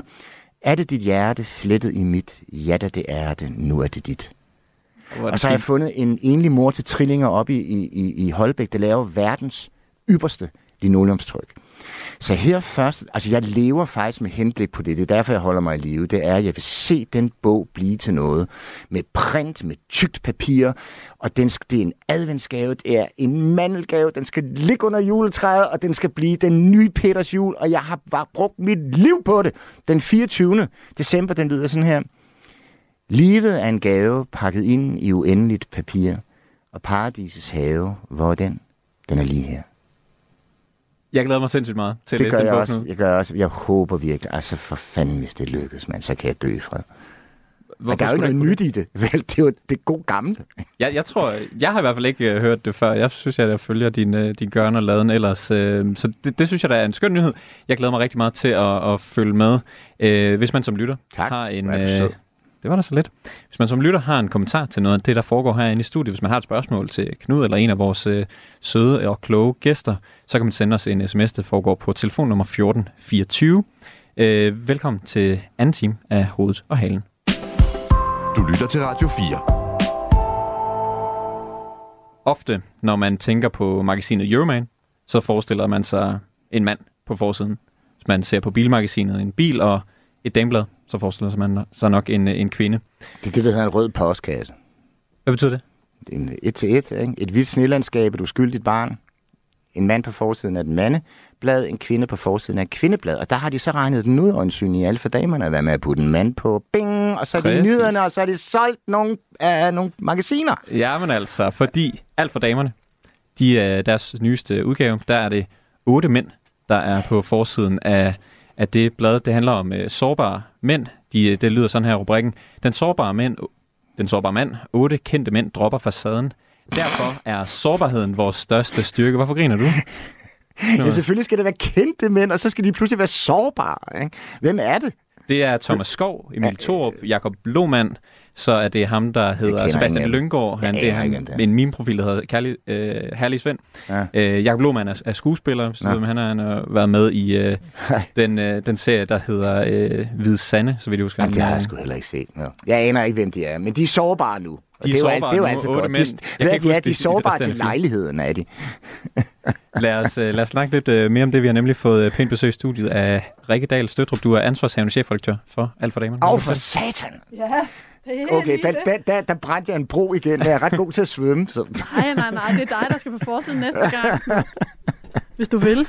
Knud, har- Og Knud, hvis du tid, vil dele noget sårbart med os. Jeg ved du, jeg bestiller til. jo ikke andet. ikke? Nej, det er det. Knud har, har tidligere her i, i programmet sagt, at, øh, at han... Øh, hvad var det, du sagde? Du er den øh, ubetalte indholdsskaber. Ja. Indholdsproducent hedder det. Den ubetalte indholdsproducent. Men det er også det, der hedder ikke købt kommunikation i reklamebranchen, og det er, hvis du øh, betaler for indrykning af en reklame og roser dig selv, okay, det er der nok ikke mange øh, kunder i butikken, ikke? så det er jo den omvendte vej, det er jo, at du skal have nogen til at tale om dig, i stedet for at du taler om dig selv. Det er jo også klamt at tale om sig selv. Og det er det, vi gør lige nu. Vi taler om, øh, om Så alt må for vi se, damer. hvor god reklame det er. Lad os se, hvor Det er god reklame det er. øh, Rikke, kan du ikke forklare, hvorfor der er otte mænd på forsiden af Alt for damerne? Jo, men det er der, fordi øh, de 51 andre uger af året øh, skriver vi om kvinders øh, styrker, sårbarheder og begrænsninger og muligheder. Øh, og så synes vi, at øh, der sker noget spændende i tiden med manderollen, og har gjort det jo i, over de seneste år. Og så øh, inviterede vi en række mænd til at dele noget med os øh, omkring forskellige... Øh, hvad skal man sige, vigtige ting i livet. Det er både det at være far, det at være ven, det at have angst. Øh, og så øh, det, der, det vi egentlig nåede frem til, var, at de alle sammen beskrev, hvordan det faktisk havde været, altså det at endelig ture åbne op og sige ting højt, der var svære, det var faktisk også en slags frigørelse øh, for dem. Så derfor øh, kalder vi det den sårbare mand, øh, sårbarhedens styrke. Ja. Jeg kan se, du har bladet med. Øh, Ja. jeg, jeg, jeg, nævner lige, øh, jeg nævner lige de andre, som jeg kan se umiddelbart. Det Ja. er designer Sø- Søren Le Schmidt, det er sanger Hjalmar Larsen, øh, og så kan jeg ikke øh, kende flere Og umiddelbart. kæft, jeg er blevet gammel. Jeg aner simpelthen ikke, hvem det er der. Øhm, men øh, grund til, at vi har inviteret mm. dig ind, og det er jo selvfølgelig også lidt ironisk, nu står vi her to mænd og skal, skal få Ja. dig til at forsvare, hvorfor øh, I har valgt at sætte øh, otte mænd på ja, forsiden, hvorfor er I Rikke. ikke bare glad for det? Jamen, det er da også en skide god idé. Ja. Altså, det, det er da, som sagt ikke en rød postkasse, en kvinde på forsiden. Det her, det er en god idé. Det er En, blå, rigtig en, god blå, idé. en blå postkasse. En, øh, Det er altså jeg kan ros, jeg huske, til at da der, da der var terror, øh, øh, isis halløj, der var der et af de her øh, mandeblade, jeg, jeg kan ikke, det var ikke Cover Magazine, det var et andet. Det var Malene Mallings, og hun havde problemer, for det er pisse svært at sælge magasiner i Danmark. Altså, der er alle for damerne, for missionæren, der er nogle få af dem, der overlever. Ikke? Og der foreslog jeg faktisk, at man skulle lave en forside med sådan en jihadfætter. Mm. Altså, som ligner en på en prik, og så skrive, hvad hedder det, øh, hvad hedder det, øh, muslimsk, øh, hvad hedder det, øh, hipster. Fordi det er den samme hipsterbevægelse, som... Altså, ja, I forstår, hvor jeg vil hen. Okay, stærk sammenligning alligevel. Det var lad, os, godt, det. lad, lad os starte med, med terroristsammenligning, og så lad os gå... Du må gerne beholde det, Okay, tak skal du Ja. have. Øhm, ja, det er lidt ironisk, vi, vi er nu. Ja. Men, men, men grunden til, at vi har inviteret dig ind, det er blandt andet, fordi at det har afført nogle øh, kommentarer på de sociale medier. Mm. Blandt andet den Instagram-profil, der hedder Krænkelseskulturelle Memes, har skrevet sådan her Gud. øh, i en... Øh, i en det, lad os høre, hvad vedkommende skriver. Læs næste uges Euroman, hvor fire hvide kvinder fortæller om, hvorfor de elsker at være benhårde. Kan du forstå, det er Når de har lige vendt de har den om, den de twister om. De den twister lige en den. gang. Ja, ja, Kan ja. du forstå, hvorfor folk vil synes, det er paradoxalt, at, øh, at øh, mænd skal være på forsiden af, af alt for damerne, for at fortælle om deres øh, sårbarhed? Øh, jeg, jeg kan faktisk ikke rigtig se paradokset i det. Øh, når du spørger, hvad, hvad, hvad for et paradoks ser du så? Havde det været en, øh, en god Euroman-forside, hvis der, hvis der var kvinder, der fortalte om at være benhårde? Ja, det synes jeg da egentlig. Anja Andersen, mand. Jamen, Kom prøv så. at det, hvad skulle der være i vejen for det? At fortælle om at være benhård og at være, øh, føle sig stærke? Det tror jeg da ikke ville være en urealistisk øh, vinkel på noget. Altså, jeg synes jo, øh, at det er fair nok, at vi diskuterer det her med mænds øh, følsomhed, fordi det er jo den øh, bane, det er den anden bane halvdel i ligestillingskampen, hvor man kan sige, at vi har jo i mange år øh, Øh, som kvinder kæmpet for at få lige vilkår på det, der traditionelt har været mandens banehalvdel. Øh, og det er der kommet øh, god gang i, altså uden vi overhovedet er der endnu, så er der sket nogle ting på arbejdsmarkedet, der gør det lettere for os at være der. Det vi taler om nu er, at vi skal jo faktisk også på den måde være klar til at give noget fra os øh, i, i den øh, ligestillingskamp, nemlig at vi skal give mændene plads til at være mere følsomme og mere sårbare og i virkeligheden øh, skaffe dem en større, et større spillerum. Og jeg synes, de to ting hænger, hænger fint sammen. Og, og man kan jo så øh, som modsvar til det måske sige, øh, er det helt normalt at være øh, sårbar som mand? Er det forsidestof? Nå, okay, så det er det paradokset går på, at det skulle faktisk ikke være en historie. Jo, det er jo at ikke noget er nyhedsmagasin. Det er jo et fænomen, og det er jo også noget, vi taler meget om. Nu kan man sige, det, vi, er jo, vi har selvfølgelig haft den her planlagt i noget tid, ikke? men den kommer jo ret øh, belejligt i kølvandet på hele den diskussion. Martin Thorborg satte i gang i sidste uge ved at sige, at øh, kvinder havde sejret af helvede til, og vi skulle passe på med, hvad vi gjorde, fordi at hvis at mændene lige pludselig ikke måtte have deres plads som store og stærke mere, hvad var der så Gud plads til mænd? fader bevare mig Ja. ven. Det lyder ligesom Ej, det er manderådet. Ja, og det er selvfølgelig også lidt, altså nu, nu parafraserer jeg det også, ikke? så, så han, der var flere nuancer i det, og det skal vi jo huske, at ting blev jo også taget ud af kontekst. Men han satte jo en skidegod diskussion i gang i sidste uge, og det er jo i virkeligheden vores, den her, den her, det her blad ligger jo i samme spor, som det er nemlig, øh, hvad er mandens rolle i 2024? Og det synes jeg, der er lige så interessant at tale om, som hvad er kvindens rolle? Vi er her jo sammen. Vi skal huske, ligestilling er jo ikke en, en kamp imod hinanden. Det er jo os begge to, eller begge køn, alle køn, drager fordel af det, og der er ligestilling nok til alle. Du, du stillede et meget relevant spørgsmål. Hvad er mandens rolle i 2024? Og vi har jo et vaskeægte orakel siddende øh, som, ja. som gæstevært i dag. Knud Romer. Jeg er ikke binær. Hvad hedder det? Jeg synes, at man skal lade være med at kønne det. Der er ingen grund til at kønne sårbarhed eller styrke. Øhm, det? der er ikke nogen grund til at gøre til modsætninger, at du skal være vist dig stærk, fordi så er du ikke sårbar. Altså, så, så er vi jo allerede gået mm. ret. Og jeg mener, jeg var oppe i det der, i gamle dage var Kvindemuseet oppe i Aarhus, og det var jo en kæmpe kamp for hende dengang at gøre det til øh, Kønsmuseet, så tror jeg det hedder, eller hvad pokker. Og der var jeg oppe og besøge dem en gang, og der havde de faktisk en særudstilling med nogle meget, meget smukke portrætter af udsatte mænd. Det var så ikke kendiser, der viste deres sårbarhed, men det var mænd, som virkelig var i knibe, og som delte deres historie, og som der ikke har været så meget plads til. Men man skal også passe meget på med det her. Fordi at der er nogle kræfter, politiske kræfter også, som stadigvæk mener, at det er synd for mændene, at der er ligestilling. At det er synd for, at, at kvinderne tager deres øh, territorie, og lige nu skal der jo være ligest. Altså lige nu er der jo politiske kræfter, som vil have, at, at det, der hedder kvindekrisecenter, skal være mandekrisecenter. At midlerne skal gå til de her stakkels mænd, som statistisk set udøver vold og slår kvinder ihjel, og så skal det pludselig være synd for mændene, og sådan noget. Altså, ah, ikke? Så jeg synes, måske skulle man simpelthen bare holde op med at kønne det. Altså at sige, jamen, du er sårbar, du er kvinde, du er mand, du er stærk, du er kvinde, du er mand, og, og du kan også være kvinde og mand på en gang, hvis du har lyst til det, og så øh, fred være med det, ikke?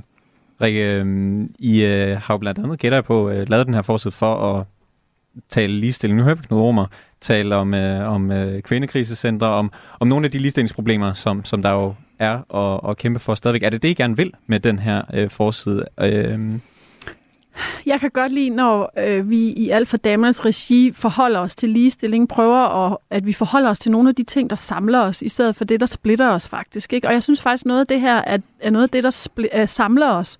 Fordi vi har lavet sådan en survey, helt uvidenskabelig, øh, blandt øh, både vores følger øh, og Euromans øh, følger, som er vores kolleger. Ikke? Og, og det vil sige, at vi har spurgt både kvinder og mænd, og kvinder synes, de vil gerne have, altså 95 procent af kvinderne siger, de vil gerne have mænd, der udtrykker og viser øh, følelser.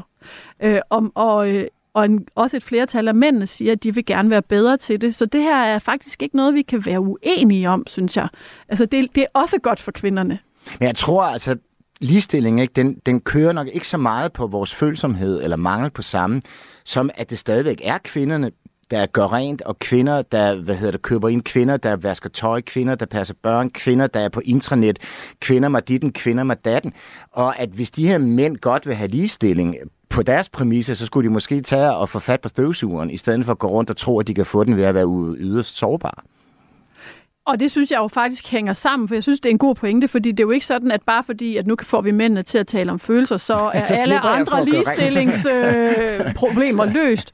Men jeg synes, det er en del af debatten, og jeg synes, du har 100% ret i det her med, at, at mændene skal komme mere ind i kampen derhjemme, og jeg håber også, at det sker med, at flere, flere tager mere og mere barsel, og i virkeligheden måske er det første step i forhold til at være den, der sådan altså være den, der er primær caretaker derhjemme, og lige pludselig begynder at tænke lidt frem til, hvad, hvad skal vi have til aften, og er ferien bestilt og sådan nogle ting. Måske hjælper det på det, og jeg tror i hvert fald, at det at tale sammen om, hvordan man har det, kan ikke være dårligt på den rejse, men det er jo klart, at al statistikken og alle de uligheder, der i øvrigt er, det, det er jo ikke løst, fordi vi har fået mænd til at tale om følelser. Men det lykkes, fordi nu ja. sidder du her, ja og du kan blive af med alfadamerne, så det er fandme en god forside. og øh, og Knud, du, du, du, du fornæste før, da, da vi snakkede om, at det var kendte mænd, der var på forsiden. Jamen det er det jo, for jeg kender dem ikke, men altså... Ja. Øh, og du fortalte også om det her, øh, at du var på, på museum øh, i Aarhus. På, ja, på hvor køns, det var nogle regulære mænd. Hvor det var mænd. nogle ja. øh, rigtige mænd, der, der rent faktisk havde, øh, hvad kan man sige, var, var udsatte. Men... Altså det er klart ikke, at mande- og kvindeproblemer er meget forskellige, fordi at det er jo stadigvæk mændene, der er voldelige, det er mændene, der drikker sig ihjel, det er mændene, der har svært ved at følge med faktisk med karakterer. Det, det er, der er masser af specifikke mandeproblemer, som de her stakkels mænd burde have lidt hjælp til at klare. Ikke? Og, og, mm. hvad, hvad er... Men det er stadig også statistisk dem, der er mest voldelige og kriminelle og, og, og slår deres koner ihjel. Og, altså. Grunden til at nævne det med de, de kendte og de, de mm. hvad kan man sige, udsatte mænd, det var, om, om, om det bare er en sådan et, øh, et, en, et vilkår, når man skal lave et, et, et blad, der skal sælges, ja, at det, det er, er klart. kendte mænd, altså, der skal på forsiden, det er og ikke altså, øh, fire det. Det er jo og... det, at det ikke er otte tilfældige mænd, som sikkert vil have lige så gode historier.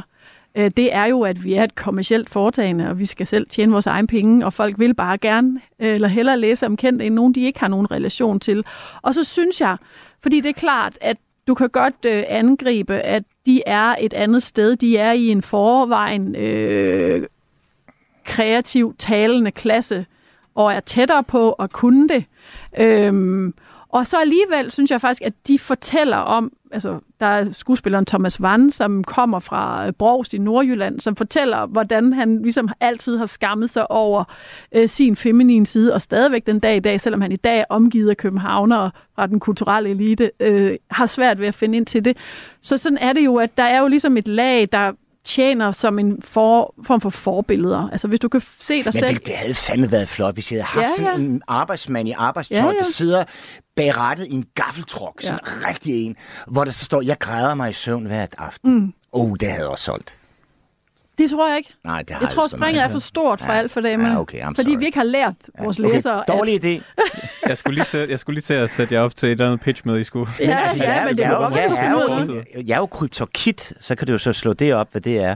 Men jeg er en lille pige med, med, med opstoppernæse og fregner og rottehaler, som sidder i en kæmpemæssig ond tank. Og den har jeg bygget for at beskytte hende, så hun kan skrive poesi i fred.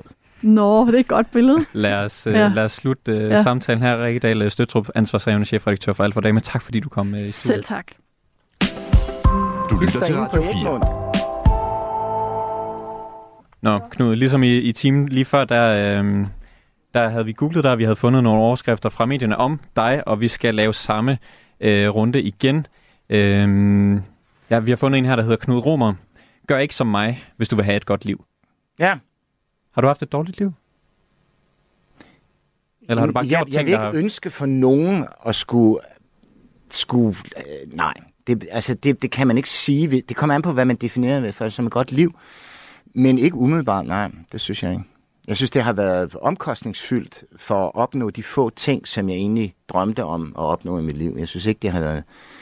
Altså, nu er jeg 63, jeg er blind, jeg er skilt. Min økonomi er i stykker, mit hus på landet er væk, min bil er væk, mine børn er væk. Jeg studerede 17 år på litteraturvidenskab, fra jeg var 18 til jeg var 35, uden at ha- kunne få et job. Og jeg søgte et job på forlag, aviser, højskoler. Jeg blev 46 år, inden jeg fik en stavelse trygt, selvom jeg har skrevet siden jeg var 13. Så jeg synes, det har været en rimelig sådan... Det har været op ad bakke, synes jeg. Ikke? Og så, så jeg er ikke god til at tage vare på mig selv. Jeg har gudskelov en meget, meget sød kæreste, som prøver, og hun er meget omsorgsfuld og, og, og empatisk og hjælpsom og fornuftig og sådan noget, og prøver at sætte punktum for mig. Men jeg tror ikke, at, at det vil bekomme nogen vel at have levet. Altså, jeg har også gået 30 år for længe i byen. Jeg har taget for mange stoffer. Jeg har drukket for meget.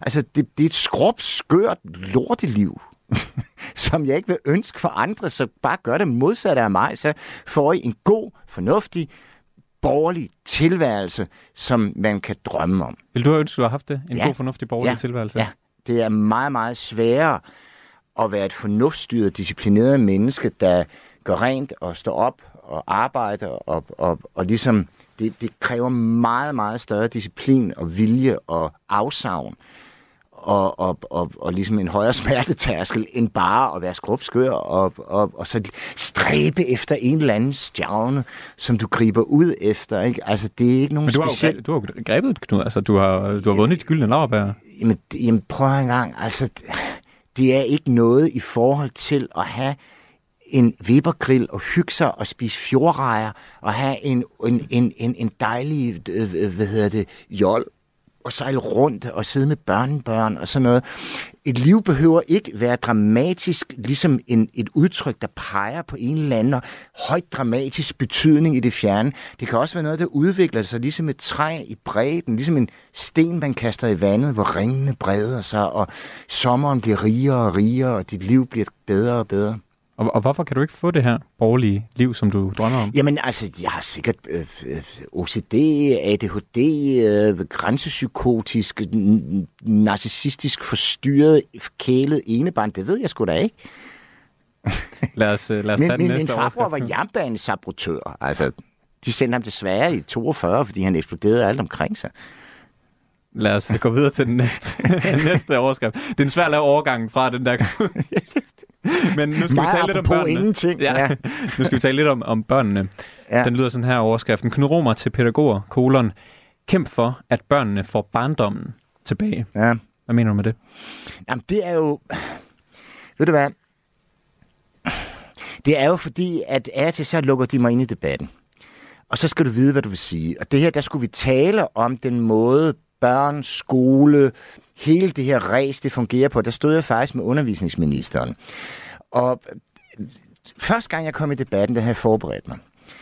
Og der slukkede de for min mikrofon efter et minut. Jeg fik lige nøjagtigt sagt, hvad jeg ville. Og det er debatten på DR2 med Ja. Clement. Ja. Ja, her fik jeg, fik jeg 1 minut og 45 sekunder. Eller sådan noget, ikke? Og det, som jeg vil gøre opmærksom på, det var, at man behandler børn som human resources. Det er et middel til et mål, der skal udnyttes, der skal så hurtigt igennem arbejds, øh, uddannelsessystemet som muligt. Du skal have et job, du skal være produktiv, du skal bidrage til nationalproduktet. Hvordan fanden er det? Altså, øh, sådan kan man, børn er et mål i sig selv. Giv dem barndom tilbage, giv dem fred, giv dem lov til at lege. Ved du, der er, en, der er en grund til, at det hedder klog og skade. Og det er, at du lærer ikke noget af ikke at begå fejl. Så det hele det der perfektion, nul fejl, alting skal være det nødvendige middel til et eller andet mål. Og alt den der måde, du ved, som skolereform, de skal, ah, de skal gå endnu længere i, i skole, så de er trætte om onsdagen, ikke? Og alting skal ligesom... Om, hvad fanden er det for noget stress, altså? Og det kommer virkelig fra hjertet, og det, det, det råbte jeg så op om. Og der lagde de det jo så ud på Facebook, der må have tjent udstyrtende med penge på det, fordi det klip er blevet vist 9, milliard, 9, 9 millioner gange. 9 millioner views i Danmark, hvis jeg bare havde fået 10 øre per view. Så havde du haft råd til den Webergrill, du sådan drømmer om. Ja, og måske Øh. også til et jord, den kunne stå på. Øh, lad os tage den sidste overskrift, som måske kræver lidt øh, mere forklaring. Den lyder sådan her. Skyld og skam, det er luften, jeg har åndet. Ja. Ved du, hvad det handler om? Ja, altså du må også tænke på én ting, og det er, at medier er meget forskellige, og du kan ikke tale imod medier. Du kan ikke tale Hvad op imod det? dem. Jamen, du, du kan ikke uh, tale om poesipyre til Ekstrabladet. Altså, det kan du ikke. Du kan ikke gøre dig øh, til talsmand for konservative værdier i information. Altså, hvis du vil have taletid, så bliver du nødt til, øh, altså ligesom, skik følger der landfly. Så jeg bliver jo altid sat ind i en sammenhæng og bliver bedt om at tale om noget. Det er ikke mig selv, der har valgt det her. Og i- og i den her og i den her sammenhæng, sammenhæng der er det jamen, folkekirken. ja, netop. Og så det er jo skyld og skam og samvittighed og afsøn og Gud og, og selvovervågning og protestantisme og lidelse og sådan noget. Jamen, hvis det er den I, sang, I vil høre, så kan I da godt få den, fordi at, at jeg, jeg har et overjeg på størrelse med runde tårn. Altså, hvis det skal være den snak. Ikke? Jeg er også sårbar, ikke? hvis jeg skal i alt for damerne. Altså, for fanden, jeg er et forvandlingskugle, der får en ny farve hver gang, du slikker på mig. Men jeg mener det sådan set, fordi jeg har lidt af u- ufattelig... Prøv en gang, mine forældre betalte min tilværelse, indtil jeg var 35. Jeg tror, jeg havde dårlig samvittighed. Jeg Ja. tror, jeg følte skyld. Jeg tror, jeg skammede mig. Er du da sindssyg? Min mor, hun er tysk landet. Hende, deres seksualmoral var sådan, at jeg vokser... Jeg har aldrig set mine forældre nøgen. Er du sindssyg menneske? Skyld og skam. Oh yeah, ikke? Altså, Du, øh, så, du fortæller i artiklen, at øh, automaten med pornoblad hos bageren var uimodståelig. Ja. Var det på grund af den øh, manglende seksual, eller øh, seksual Jamen, sådan er det moral, jo altid, hjem? at det, der er forbudt, og det, der er skjult, altså børn har jo et vidensbegær uden lige, og, og vidensbegær er jo langt hen ad vejen udspringer af seksuel forskning, ikke? Altså, hvordan, hvordan, hvad fanden, hvor, der, hvor kommer børnene fra, ikke? Og, og det er dækket, lige snart noget er dækket til, så vil du jo tage det af. Det er det nemmeste trick at få folk til at kigge efter. Det er jo bare ved at, at gemme det, så skal de jo finde det der skjul.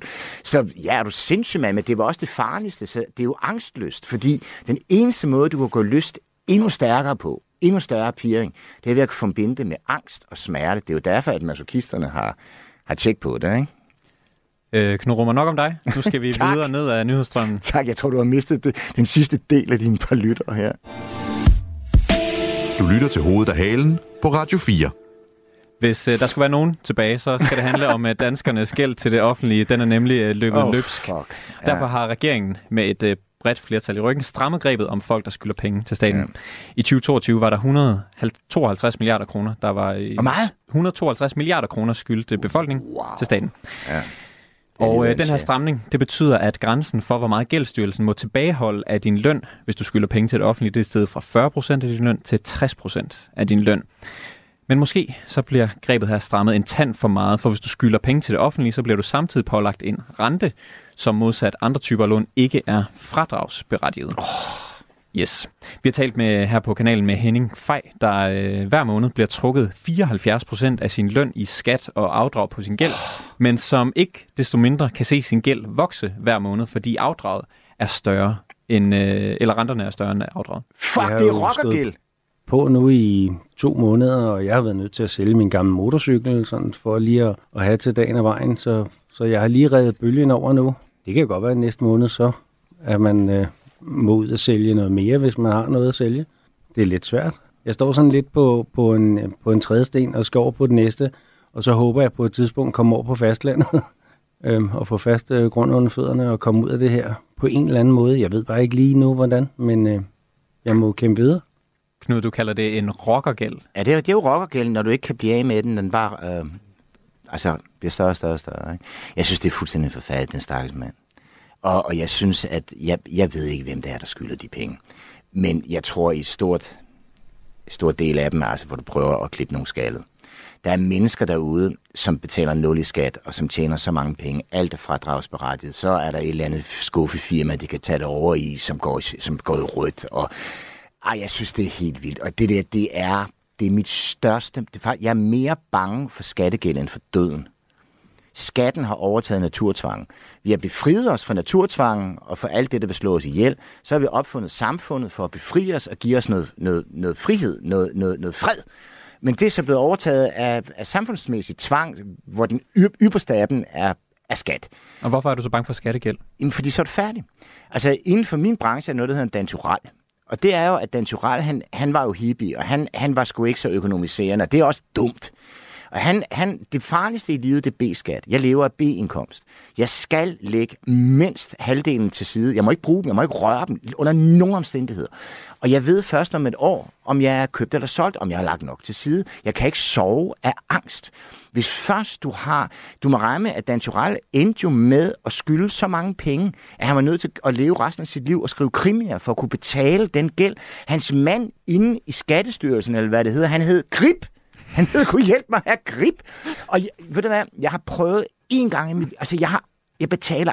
Altså, det vigtigste for mig, det, det er virkelig numero uno det er, når jeg har betalt min skat, og jeg er gået i nul, jeg kunne virkelig godt tænke mig at prøve at få overskud, jeg har aldrig prøvet. Det er som om, at det er umuligt at komme videre, og bare have lidt til overs til at få lakeret nogle gulv og sådan noget. Jeg fatter det ikke. Det er som om, at alt mit arbejde bliver bare et, og det er så, hvad det er. Men jeg har en gang prøvet, da jeg var gift og havde børn, hvor der blev ledet over måde, skal vi sige den? Og der havde jeg en skattegæld, viste sig på 250.000. Der skrev jeg om kap den 12. i 12 der kunne jeg sende færdig manuskript og få nøjagtigt så meget forskud, hvor halvdelen af forskuddet går til skat, og den anden halvdel går til skattegælden. Men jeg gik i nul. Så du brugt hele dit forskud 12 på års din, arbejde. På din, øh, på en 12 års arbejde gik på at gøre godt for et overmodet forbrug, der førte til, at jeg ikke kunne betale min B-skat. Det var fuck, men jeg overlevede. Og det er jo måske meget godt, at du fik den øh, betalt af med det, med det samme, Knud. øh, Jamen, fordi... det er jo forfærdeligt, de der mennesker, som ikke kan komme nogen vejen. Og hvad vil du gøre, hvis de inddrager så meget? At, hvad, hvad vil du betale dine regninger for? Din, din, din, din varmeregning, din el, dit, din børnebidrag, hvis du har det. Det er jo fuldstændigt fortvivlende. Giv dem dog, prøv at give dem dog lidt og, og de får ikke øh, for meget i hvert fald. Så er deres rente på 7,75 procent øh, i dag, hvis de skal betale den gæld af. Øh, den er så, som sagt, ikke fradragsberettiget. Prøv at kan ikke bruge noget af den B-skat, jeg har indbetalt til at give de der mennesker fred, og så øh, streg deres gæld for fanden. Altså, så, så nak de der multi... Altså, du tænker, de der 152 milliarder, dem kunne man godt finde et andet sted? Ja, det, end, det tror jeg godt, man kunne, uden de store problemer. Øhm, lige med hensyn til den her meget høje rente, der, der tror jeg, du er meget enig med, øh, med Dan, Danmarks skatteadvokater. Øh, Diana Mønneke, bestyrelsesmedlem hos dem, hun synes nemlig, det er meget problematisk, at, der, at de har den her mega høje rente, som jo som ligger på de her 7,75 procent. Lige nu den er fastsat øh, ved at tage Nationalbankens udlånsrente og så lægge 4 procent over. Øh, lad os lige høre, hvad, hvad hun siger om øh, problemet her. Det, der er problemet, det er jo for det første, at den ikke er fradragsberettiget. Det vil sige, at gælden man har til den offentlige, det bliver væsentligt højere forrentet, end øh, hvis man for eksempel har en retssag, øh, hvor der også kommer en procesrente på, øh, hvor man har øh, fradrag for den. Øh, det er en af de øh, problemstillinger, der er. Derudover er der så også den her problemstilling, at når man har indgået en afdragsordning med en skyldner, det kan være uforvaren, man er kommet til at skylde det offentlige gæld, øh, og der kunne man godt, øh, ligesom øh, private kreditorer ofte gør, hvis man får indgået en afdragsordning, jamen så kan man godt stoppe rentetilskrivningen. Øh, og det er en hjemmel, som vi egentlig mente, at øh, der burde komme ind, sådan at man kan foretage en konkret individuel vurdering af hver enkelt skyldner.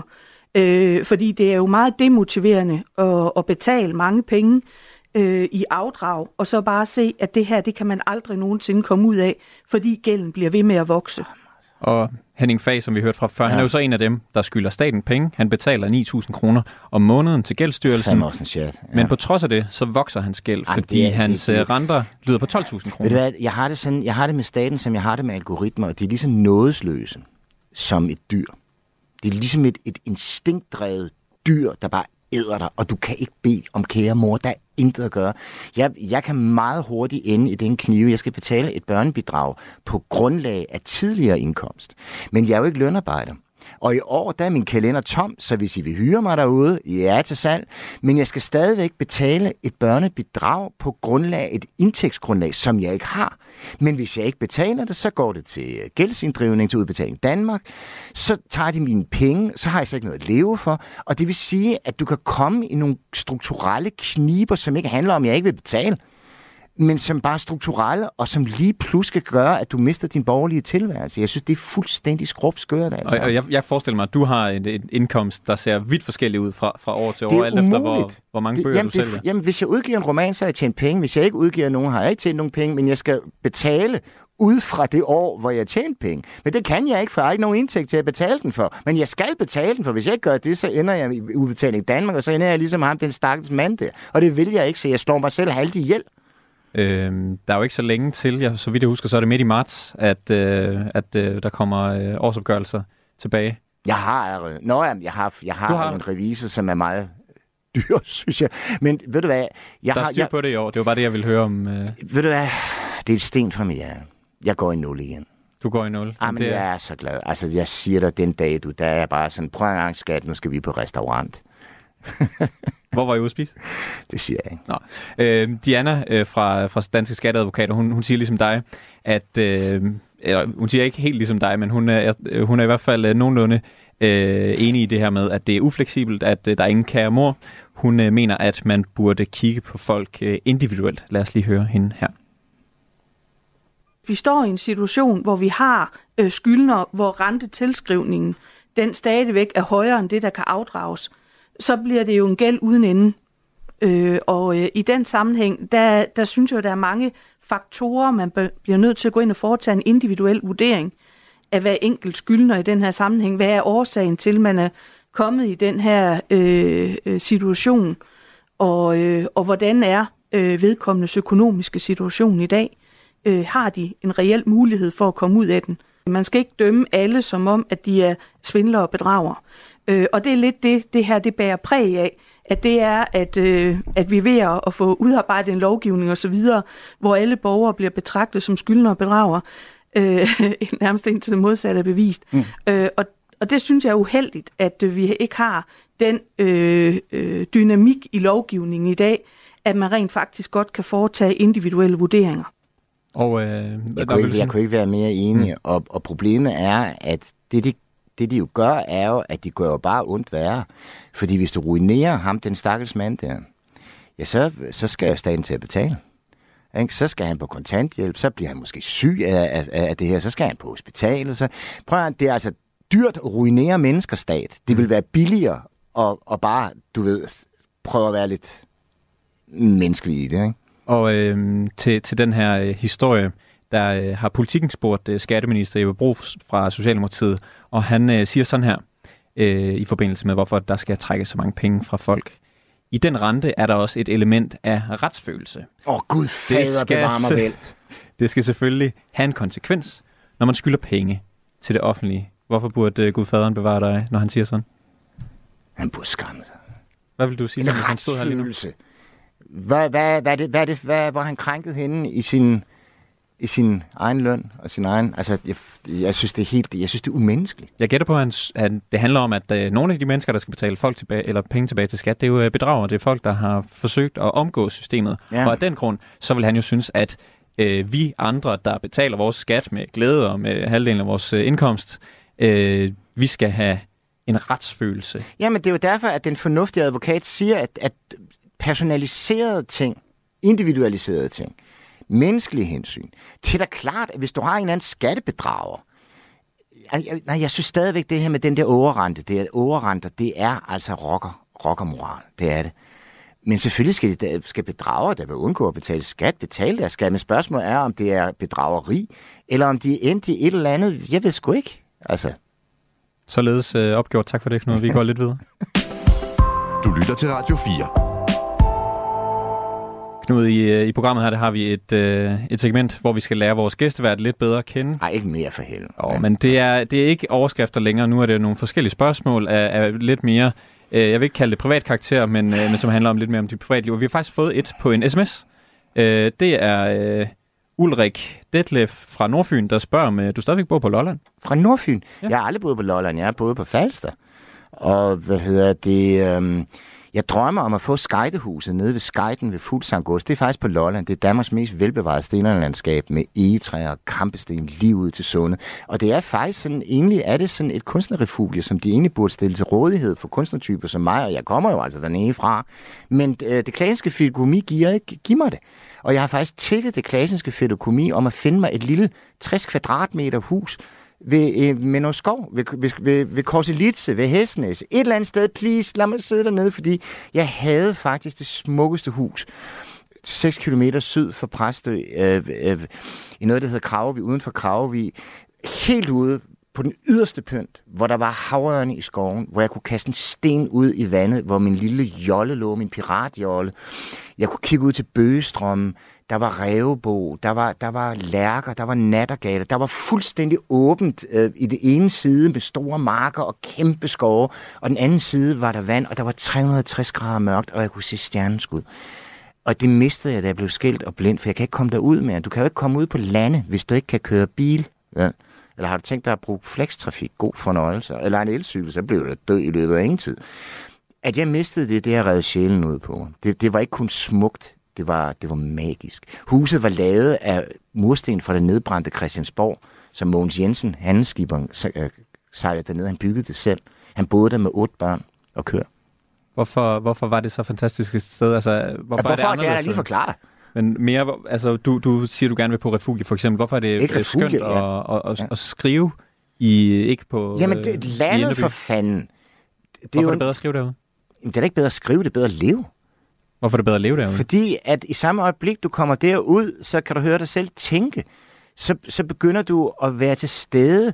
Du, du, du, du går til sidst gennem, gennem livet som, som en hallucination, hvor, når der står sådan en rådyr klokken 3 om morgenen og kigger på dig, eller der kommer en lille ræveunge og kigger som lister rundt. Du går jo i paradisen, og solsorten synger. Altså, det er jo det er en helt anden tid. Altså, før sagde, det er faktisk det andet. Det, det er forskellen på, at tiden som pil, man skyder afsted mod et mål, og så tiden som sten, man smider i vandet, og som breder sig som ringen. Og den tid, den har jeg mistet. Knud, du, øh, du sagde tidligere i programmet, at man ikke skulle gøre øh, som dig, hvis man vil have et, et godt liv. Ja. Øh, hvis du nu nogensinde står og ikke helt ved, hvad du skal gøre, hvem ringer du så til, når du har brug for et godt råd? Ringer. Der er sgu ikke nogen, der ringer til hinanden mere, så tror folk jo, at, Hvem at det er du sådan snap til? Ved du jeg har, jeg, har en, jeg har den mest underlige kæreste. Altså, jeg kunne ikke... Det er Gud, der smilede, da jeg mødte hende. Altså, virkelig, ikke? Og, og så har jeg 12 venner, som jeg har kendt i mange, mange årtier. Og de står med bil. Og vi står hinanden bil. Og vi, vi har faktisk sådan en mail, vi, vi er ikke, det er ikke sociale medier, vi har bare sådan en mail, du ved, hvor, vi har en endeløs mailtråd. Den er jo kørt nu i 30 år, tror jeg, den mailtråd. Den er ret lang efterhånden, den er lidt tung. Ej. Men, men ved du hvad, da, da jeg sad ude på det hus på landet, der kørte jeg galt og fandt ud af, at jeg kan ikke længere køre bil, så jeg kan ikke komme derfra. Jeg, jeg var fanget på den yderste pynt.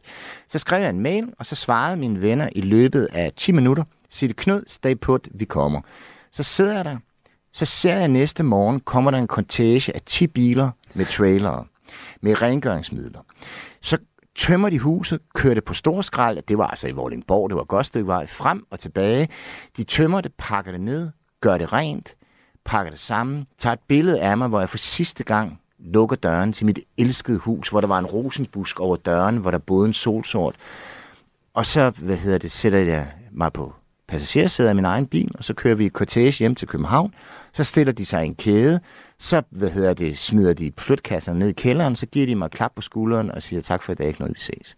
Der tænker jeg, så har jeg ikke levet forgæves. Altså, du, man kan, jeg tror, at man kan blandt andet se, hvad, man kan ikke se bag om sin egen ryg. Så du kan kun se det på konsekvenser, din, konsekvenserne af dine handlinger. Så et eller andet har jeg gjort rigtigt. Fordi de venner lå i den ene vægtskål, og i den anden, der lå mit hus på landet. Og det gik lige op. Tak for den historie, Knud. Selv tak. Du lytter til Hovedet af Halen på Radio 4. Vi skal til den øh, sidste historie i, øh, i dagens program. Jeg skal nok love, det handler ikke mere om, øh, om dig, Knud. Og så lidt alligevel. Fordi her i programmet, der beder vi jo altid vores gæsteværter om at tage noget med. En historie, som de gerne vil have, vi tager op i programmet. Normalt så lægger vi den slags øh, historier i starten af udsendelsen, for lige at varme vores gæsteværter op. Ja. Men øh, fordi vi havde dig med i dag, Knud, så ved jeg, at øh, jeg var bange for at overophede dig. Øh, fordi jeg ved, at du kan godt øh, gå ud af en tangent en gang imellem. Så nu har vi lagt den til sidst i programmet. Ja. Øh, Du synes, vi skal tale om sagen om Borup Skole, øh, den som øh, TV2 har, øh, Når jeg har bliver bragt. bedt om det. ikke? Når du bliver bedt om det. Ja, Øh, du vil egentlig som udgangspunkt helst tale med TV2. Hvorfor vil du øh, tale med dem om øh, den her historie? Jamen, jeg synes, det er blevet meget stille. Og, og når jeg tænker mig om, så ved jeg faktisk ikke, hvad der er sket. Og jeg ved egentlig ikke, hvad det er for en, et sandkorn, der har fået sodavand til at skumme. Jeg ved bare, at der var nationale oprør over et eller andet. Hvad det var, det, det ved jeg faktisk ikke. I- Hvad nu, hvis der ikke var noget særligt? Hvad nu, hvis det er vores største angst, nemlig at at det er børns seksualitet, børn og sex? Børn og misbrug. Børn, altså, det er jo vores største angst. Ja. Og den kan jo drive nogle, nogle, nogle, nogle, nogle, nogle redselsscenarier i vores hoved, som kan få os til at flippe fuldstændigt ud. Jeg tror fanden. Men hvad var der i den? Var der noget? Var det måske bare en lille dreng og en lille pige, som lavede rumpelej? Og hvor der gik et eller andet galt? Who knows? Jeg ved bare, at den lille dreng og den lille pige, der har medierne gjort større skade på dem, end de har gjort på hinanden. Det kan jeg love det for. Da jeg kom, altså, hvis nogen vil vide om min rumpeleje nede i Nykøbing, eller på byskolen, eller på, på loftet af gede, gedeburet i zoologisk have. Ved du hvad, Shanna, hun, hun var lidt hun var lidt rundt. Hun, hun blev gravid uden at finde ud af det. Hun kom i 7. klasse. Hun anede ikke, hvem faren var. Det er ikke et, en, en, en standard. Men det er ikke noget, medierne skal blande sig i. Hvad Shanna øh, har gjort eller ikke har gjort. Så, så det her handler om, at øh, Jeg du synes, ikke kan var- gennemskue, hvad det er TV2, hvad der er de Ved du faktiske jeg tror omstændigheder i simpelthen sagen. ikke, jeg, jeg tror, at, at det her det var et rejsescenarie, der blev blæst op, fordi mm. at medierne, sk- skandalen er berømmelsens mor. Og det der, det er det værste, der kan foregå. Så lad os da endelig... Men vi ved jo ikke, hvad der er sket. Er der overhovedet sket noget? Og øh, det ville vi meget gerne have spurgt TV2, om de ikke ønsket at, at tale med dig, Jamen, det kan jeg ikke forstå, fordi det er jo øh, journalister, så de må, de må jo sige, hvad der er sket. Øhm, og de henviser til et afsnit af Presselogen, så man kan se det fra i søndags. Det er i hvert fald, hvad de har sagt til os. De har ikke vil stille op til interview i dag. Til gengæld, så hvis vi skal vide mere why. om, øh, om de, de faktiske oplysninger, det er jo også noget, som man har spurgt kommunen til. Altså, hvad ja, kan de og så, sige? Jamen, og så står de, og jeg, så, så lader man som om, at skolen er lukket. Måske er der ikke så meget at sige. Så lader man som om, kommunen er lukket. Ja, de vil jo ikke fortælle. Så må det være rigtig slemt. Så altså, vidt der er det ved, journalisterne, der, der lader som om, eller der, der, der giver indtryk af, at kommunen ikke vil, valgt vil give nogen... ikke øh, vil. Og så vidt jeg ved, jeg er jo ikke ekspert i forvaltningsram, så vidt jeg ved, så er der ret begrænset øh, ytringsfrihed for, hvad kommunen må sige og ikke må sige. Det er jo ikke noget, de sidder frivilligt og de vil jo ikke bryde loven. Men det har jeg Øh. ikke forstand på, men det er der måske andre, der har. Det er der nemlig måske andre, der har. Det er godt, du er min gæstevært i dag, Knud Rummer, fordi du kan lave en, øh, en overgang som ingen anden. Vi har Frederik Ja, Våge, spurgte professor om. i Okay. forvaltningsret Ah, genialt. på Syddansk Universitet med i programmet. Velkommen, Frederik Våge. Jo, tak for det. Jeg håber, at lyden går nogenlunde igennem her. Det lyder som om, du står ekstremt langt fra Det er mikrofonen. typisk professor. Det lyder som om, at du står på månen, og mikrofonen er på, Nej, det, på jorden. Det er jeg meget keder det. Jeg står, jeg, jeg står midt, i, øh, midt i London, lige ved siden af Samuel Johnsons øh, hus. Øh, kan I høre mig her? Kan det nogenlunde dig, igennem? vi kan Eller høre skal dig, jeg prøve vi at kan høre dig klart og tydeligt nu. Øh, Det blev meget bedre af, hvad end du gjorde lige før. Okay, jeg beklager virkelig meget. Frederik Og inden jeg skifter væk fra emnet igen, så må jeg også lige, ja, jeg må også lige deklarere for, for det første her, at jeg er diehard øh, Knud Romer-fan og har læst øh, hans bøger, og øh, øh, det vil jeg bare lige sige fra start af. Hold da øh, fest, øh. For lige for den med. Du har reddet det min stor, dag, øh, og så står du lige ved Samuel Johnson. Nej, det kan jeg ikke. Ikke. Nej, det, ja, ja, ja, lige præcis. Jeg skal ind og se hans hus lige her bagefter. Ej, hvor er det vildt. Øh, jeg, øh, fornøjelse. jeg, jeg ved, ved det er en retssag herover, men øh, det skal vi ikke tale om. Nej. Øh, men for lige at, og, og, og for lige at, at tage fat på den, øh, på den pointe der, øh, så Ja, lad jeg, mig, lad er mig lige spørge, Frederik, Våge, bare lige jeg, for det er at sætte øh, rigtigt. Det er scenen ikke, for, jeg- for lytterne. Øh, og nu kommer det alligevel til at handle lidt mere om, Ja. om dig, Knud Rummer. Men øh, ku- kunne Køge Kommune, hvis de ville, have sagt mere, øh, uden at overskride deres, deres ellers tavshedspligt, som de jo har i den her sag? Øh, det mener jeg jo godt, de kunne. Øh, og, og øh, jeg synes egentlig ikke, jeg er uenig heldigvis så med, med Knud Romer omkring det, fordi øh, jeg, som jeg ser problemet, jeg er helt enig i, at vi ikke aner noget om, hvad der er op og ned i den her sag. Øh, og så synes jeg egentlig alligevel, at problemet ligger hos kommunen, øh, må jeg sige, fordi jeg synes jo i den situation, at de skulle gå ud, i øvrigt lidt på samme måde som Odense Kommune gjorde ved en anden skole, øh, umiddelbart efter, øh, og så have sagt, at øh, der ikke er noget i sagen, eller hvor meget der er i sagen, på et mere overordnet niveau. Ja. Som for eksempel at sige, vi har haft, hvad ved jeg, fem henvendelser omkring det her, og som vi, vi har overdraget til de sociale myndigheder. Men naturligvis med et abstraktionsniveau, der gjorde, at man ikke kunne identif- identificere de enkelte personer. Men det, jeg ikke kan lide ved den her sag, Øhm, også, øh, sådan kan vi sige, øh, juridisk, øh, hvis, hvis, hvis vi skal tage de forvandlingsrettige briller på, øh, det er, at der er så meget, der, der, der, der, der bare øh, blæser i vinden øh, og at man ikke får en afklaring på det. Der synes jeg, at de skulle kommunikationsmæssigt have været ude i kommunen og sige, det her det er en lille sag, det her det er en stor sag, øh, vi har engageret de sociale myndigheder, og det mener jeg godt, de kunne have gjort i, i højere grad. Og, og hvis man lige ikke lige har fulgt med og ved, hvad det er, Køge Kommune siger i, i den her sag, så en af måderne, de kommunikerer på, det er gennem ham, der hedder Lars Nedergaard. Han er chef for dagtilbud og skoler i, i kommunen, og han blev på et pressemøde på et pressemøde spurgt om, hvad man gør for at sikre, at historien ikke gentager sig på Borup Skole. Lad os bare lige høre et lille klip med ham.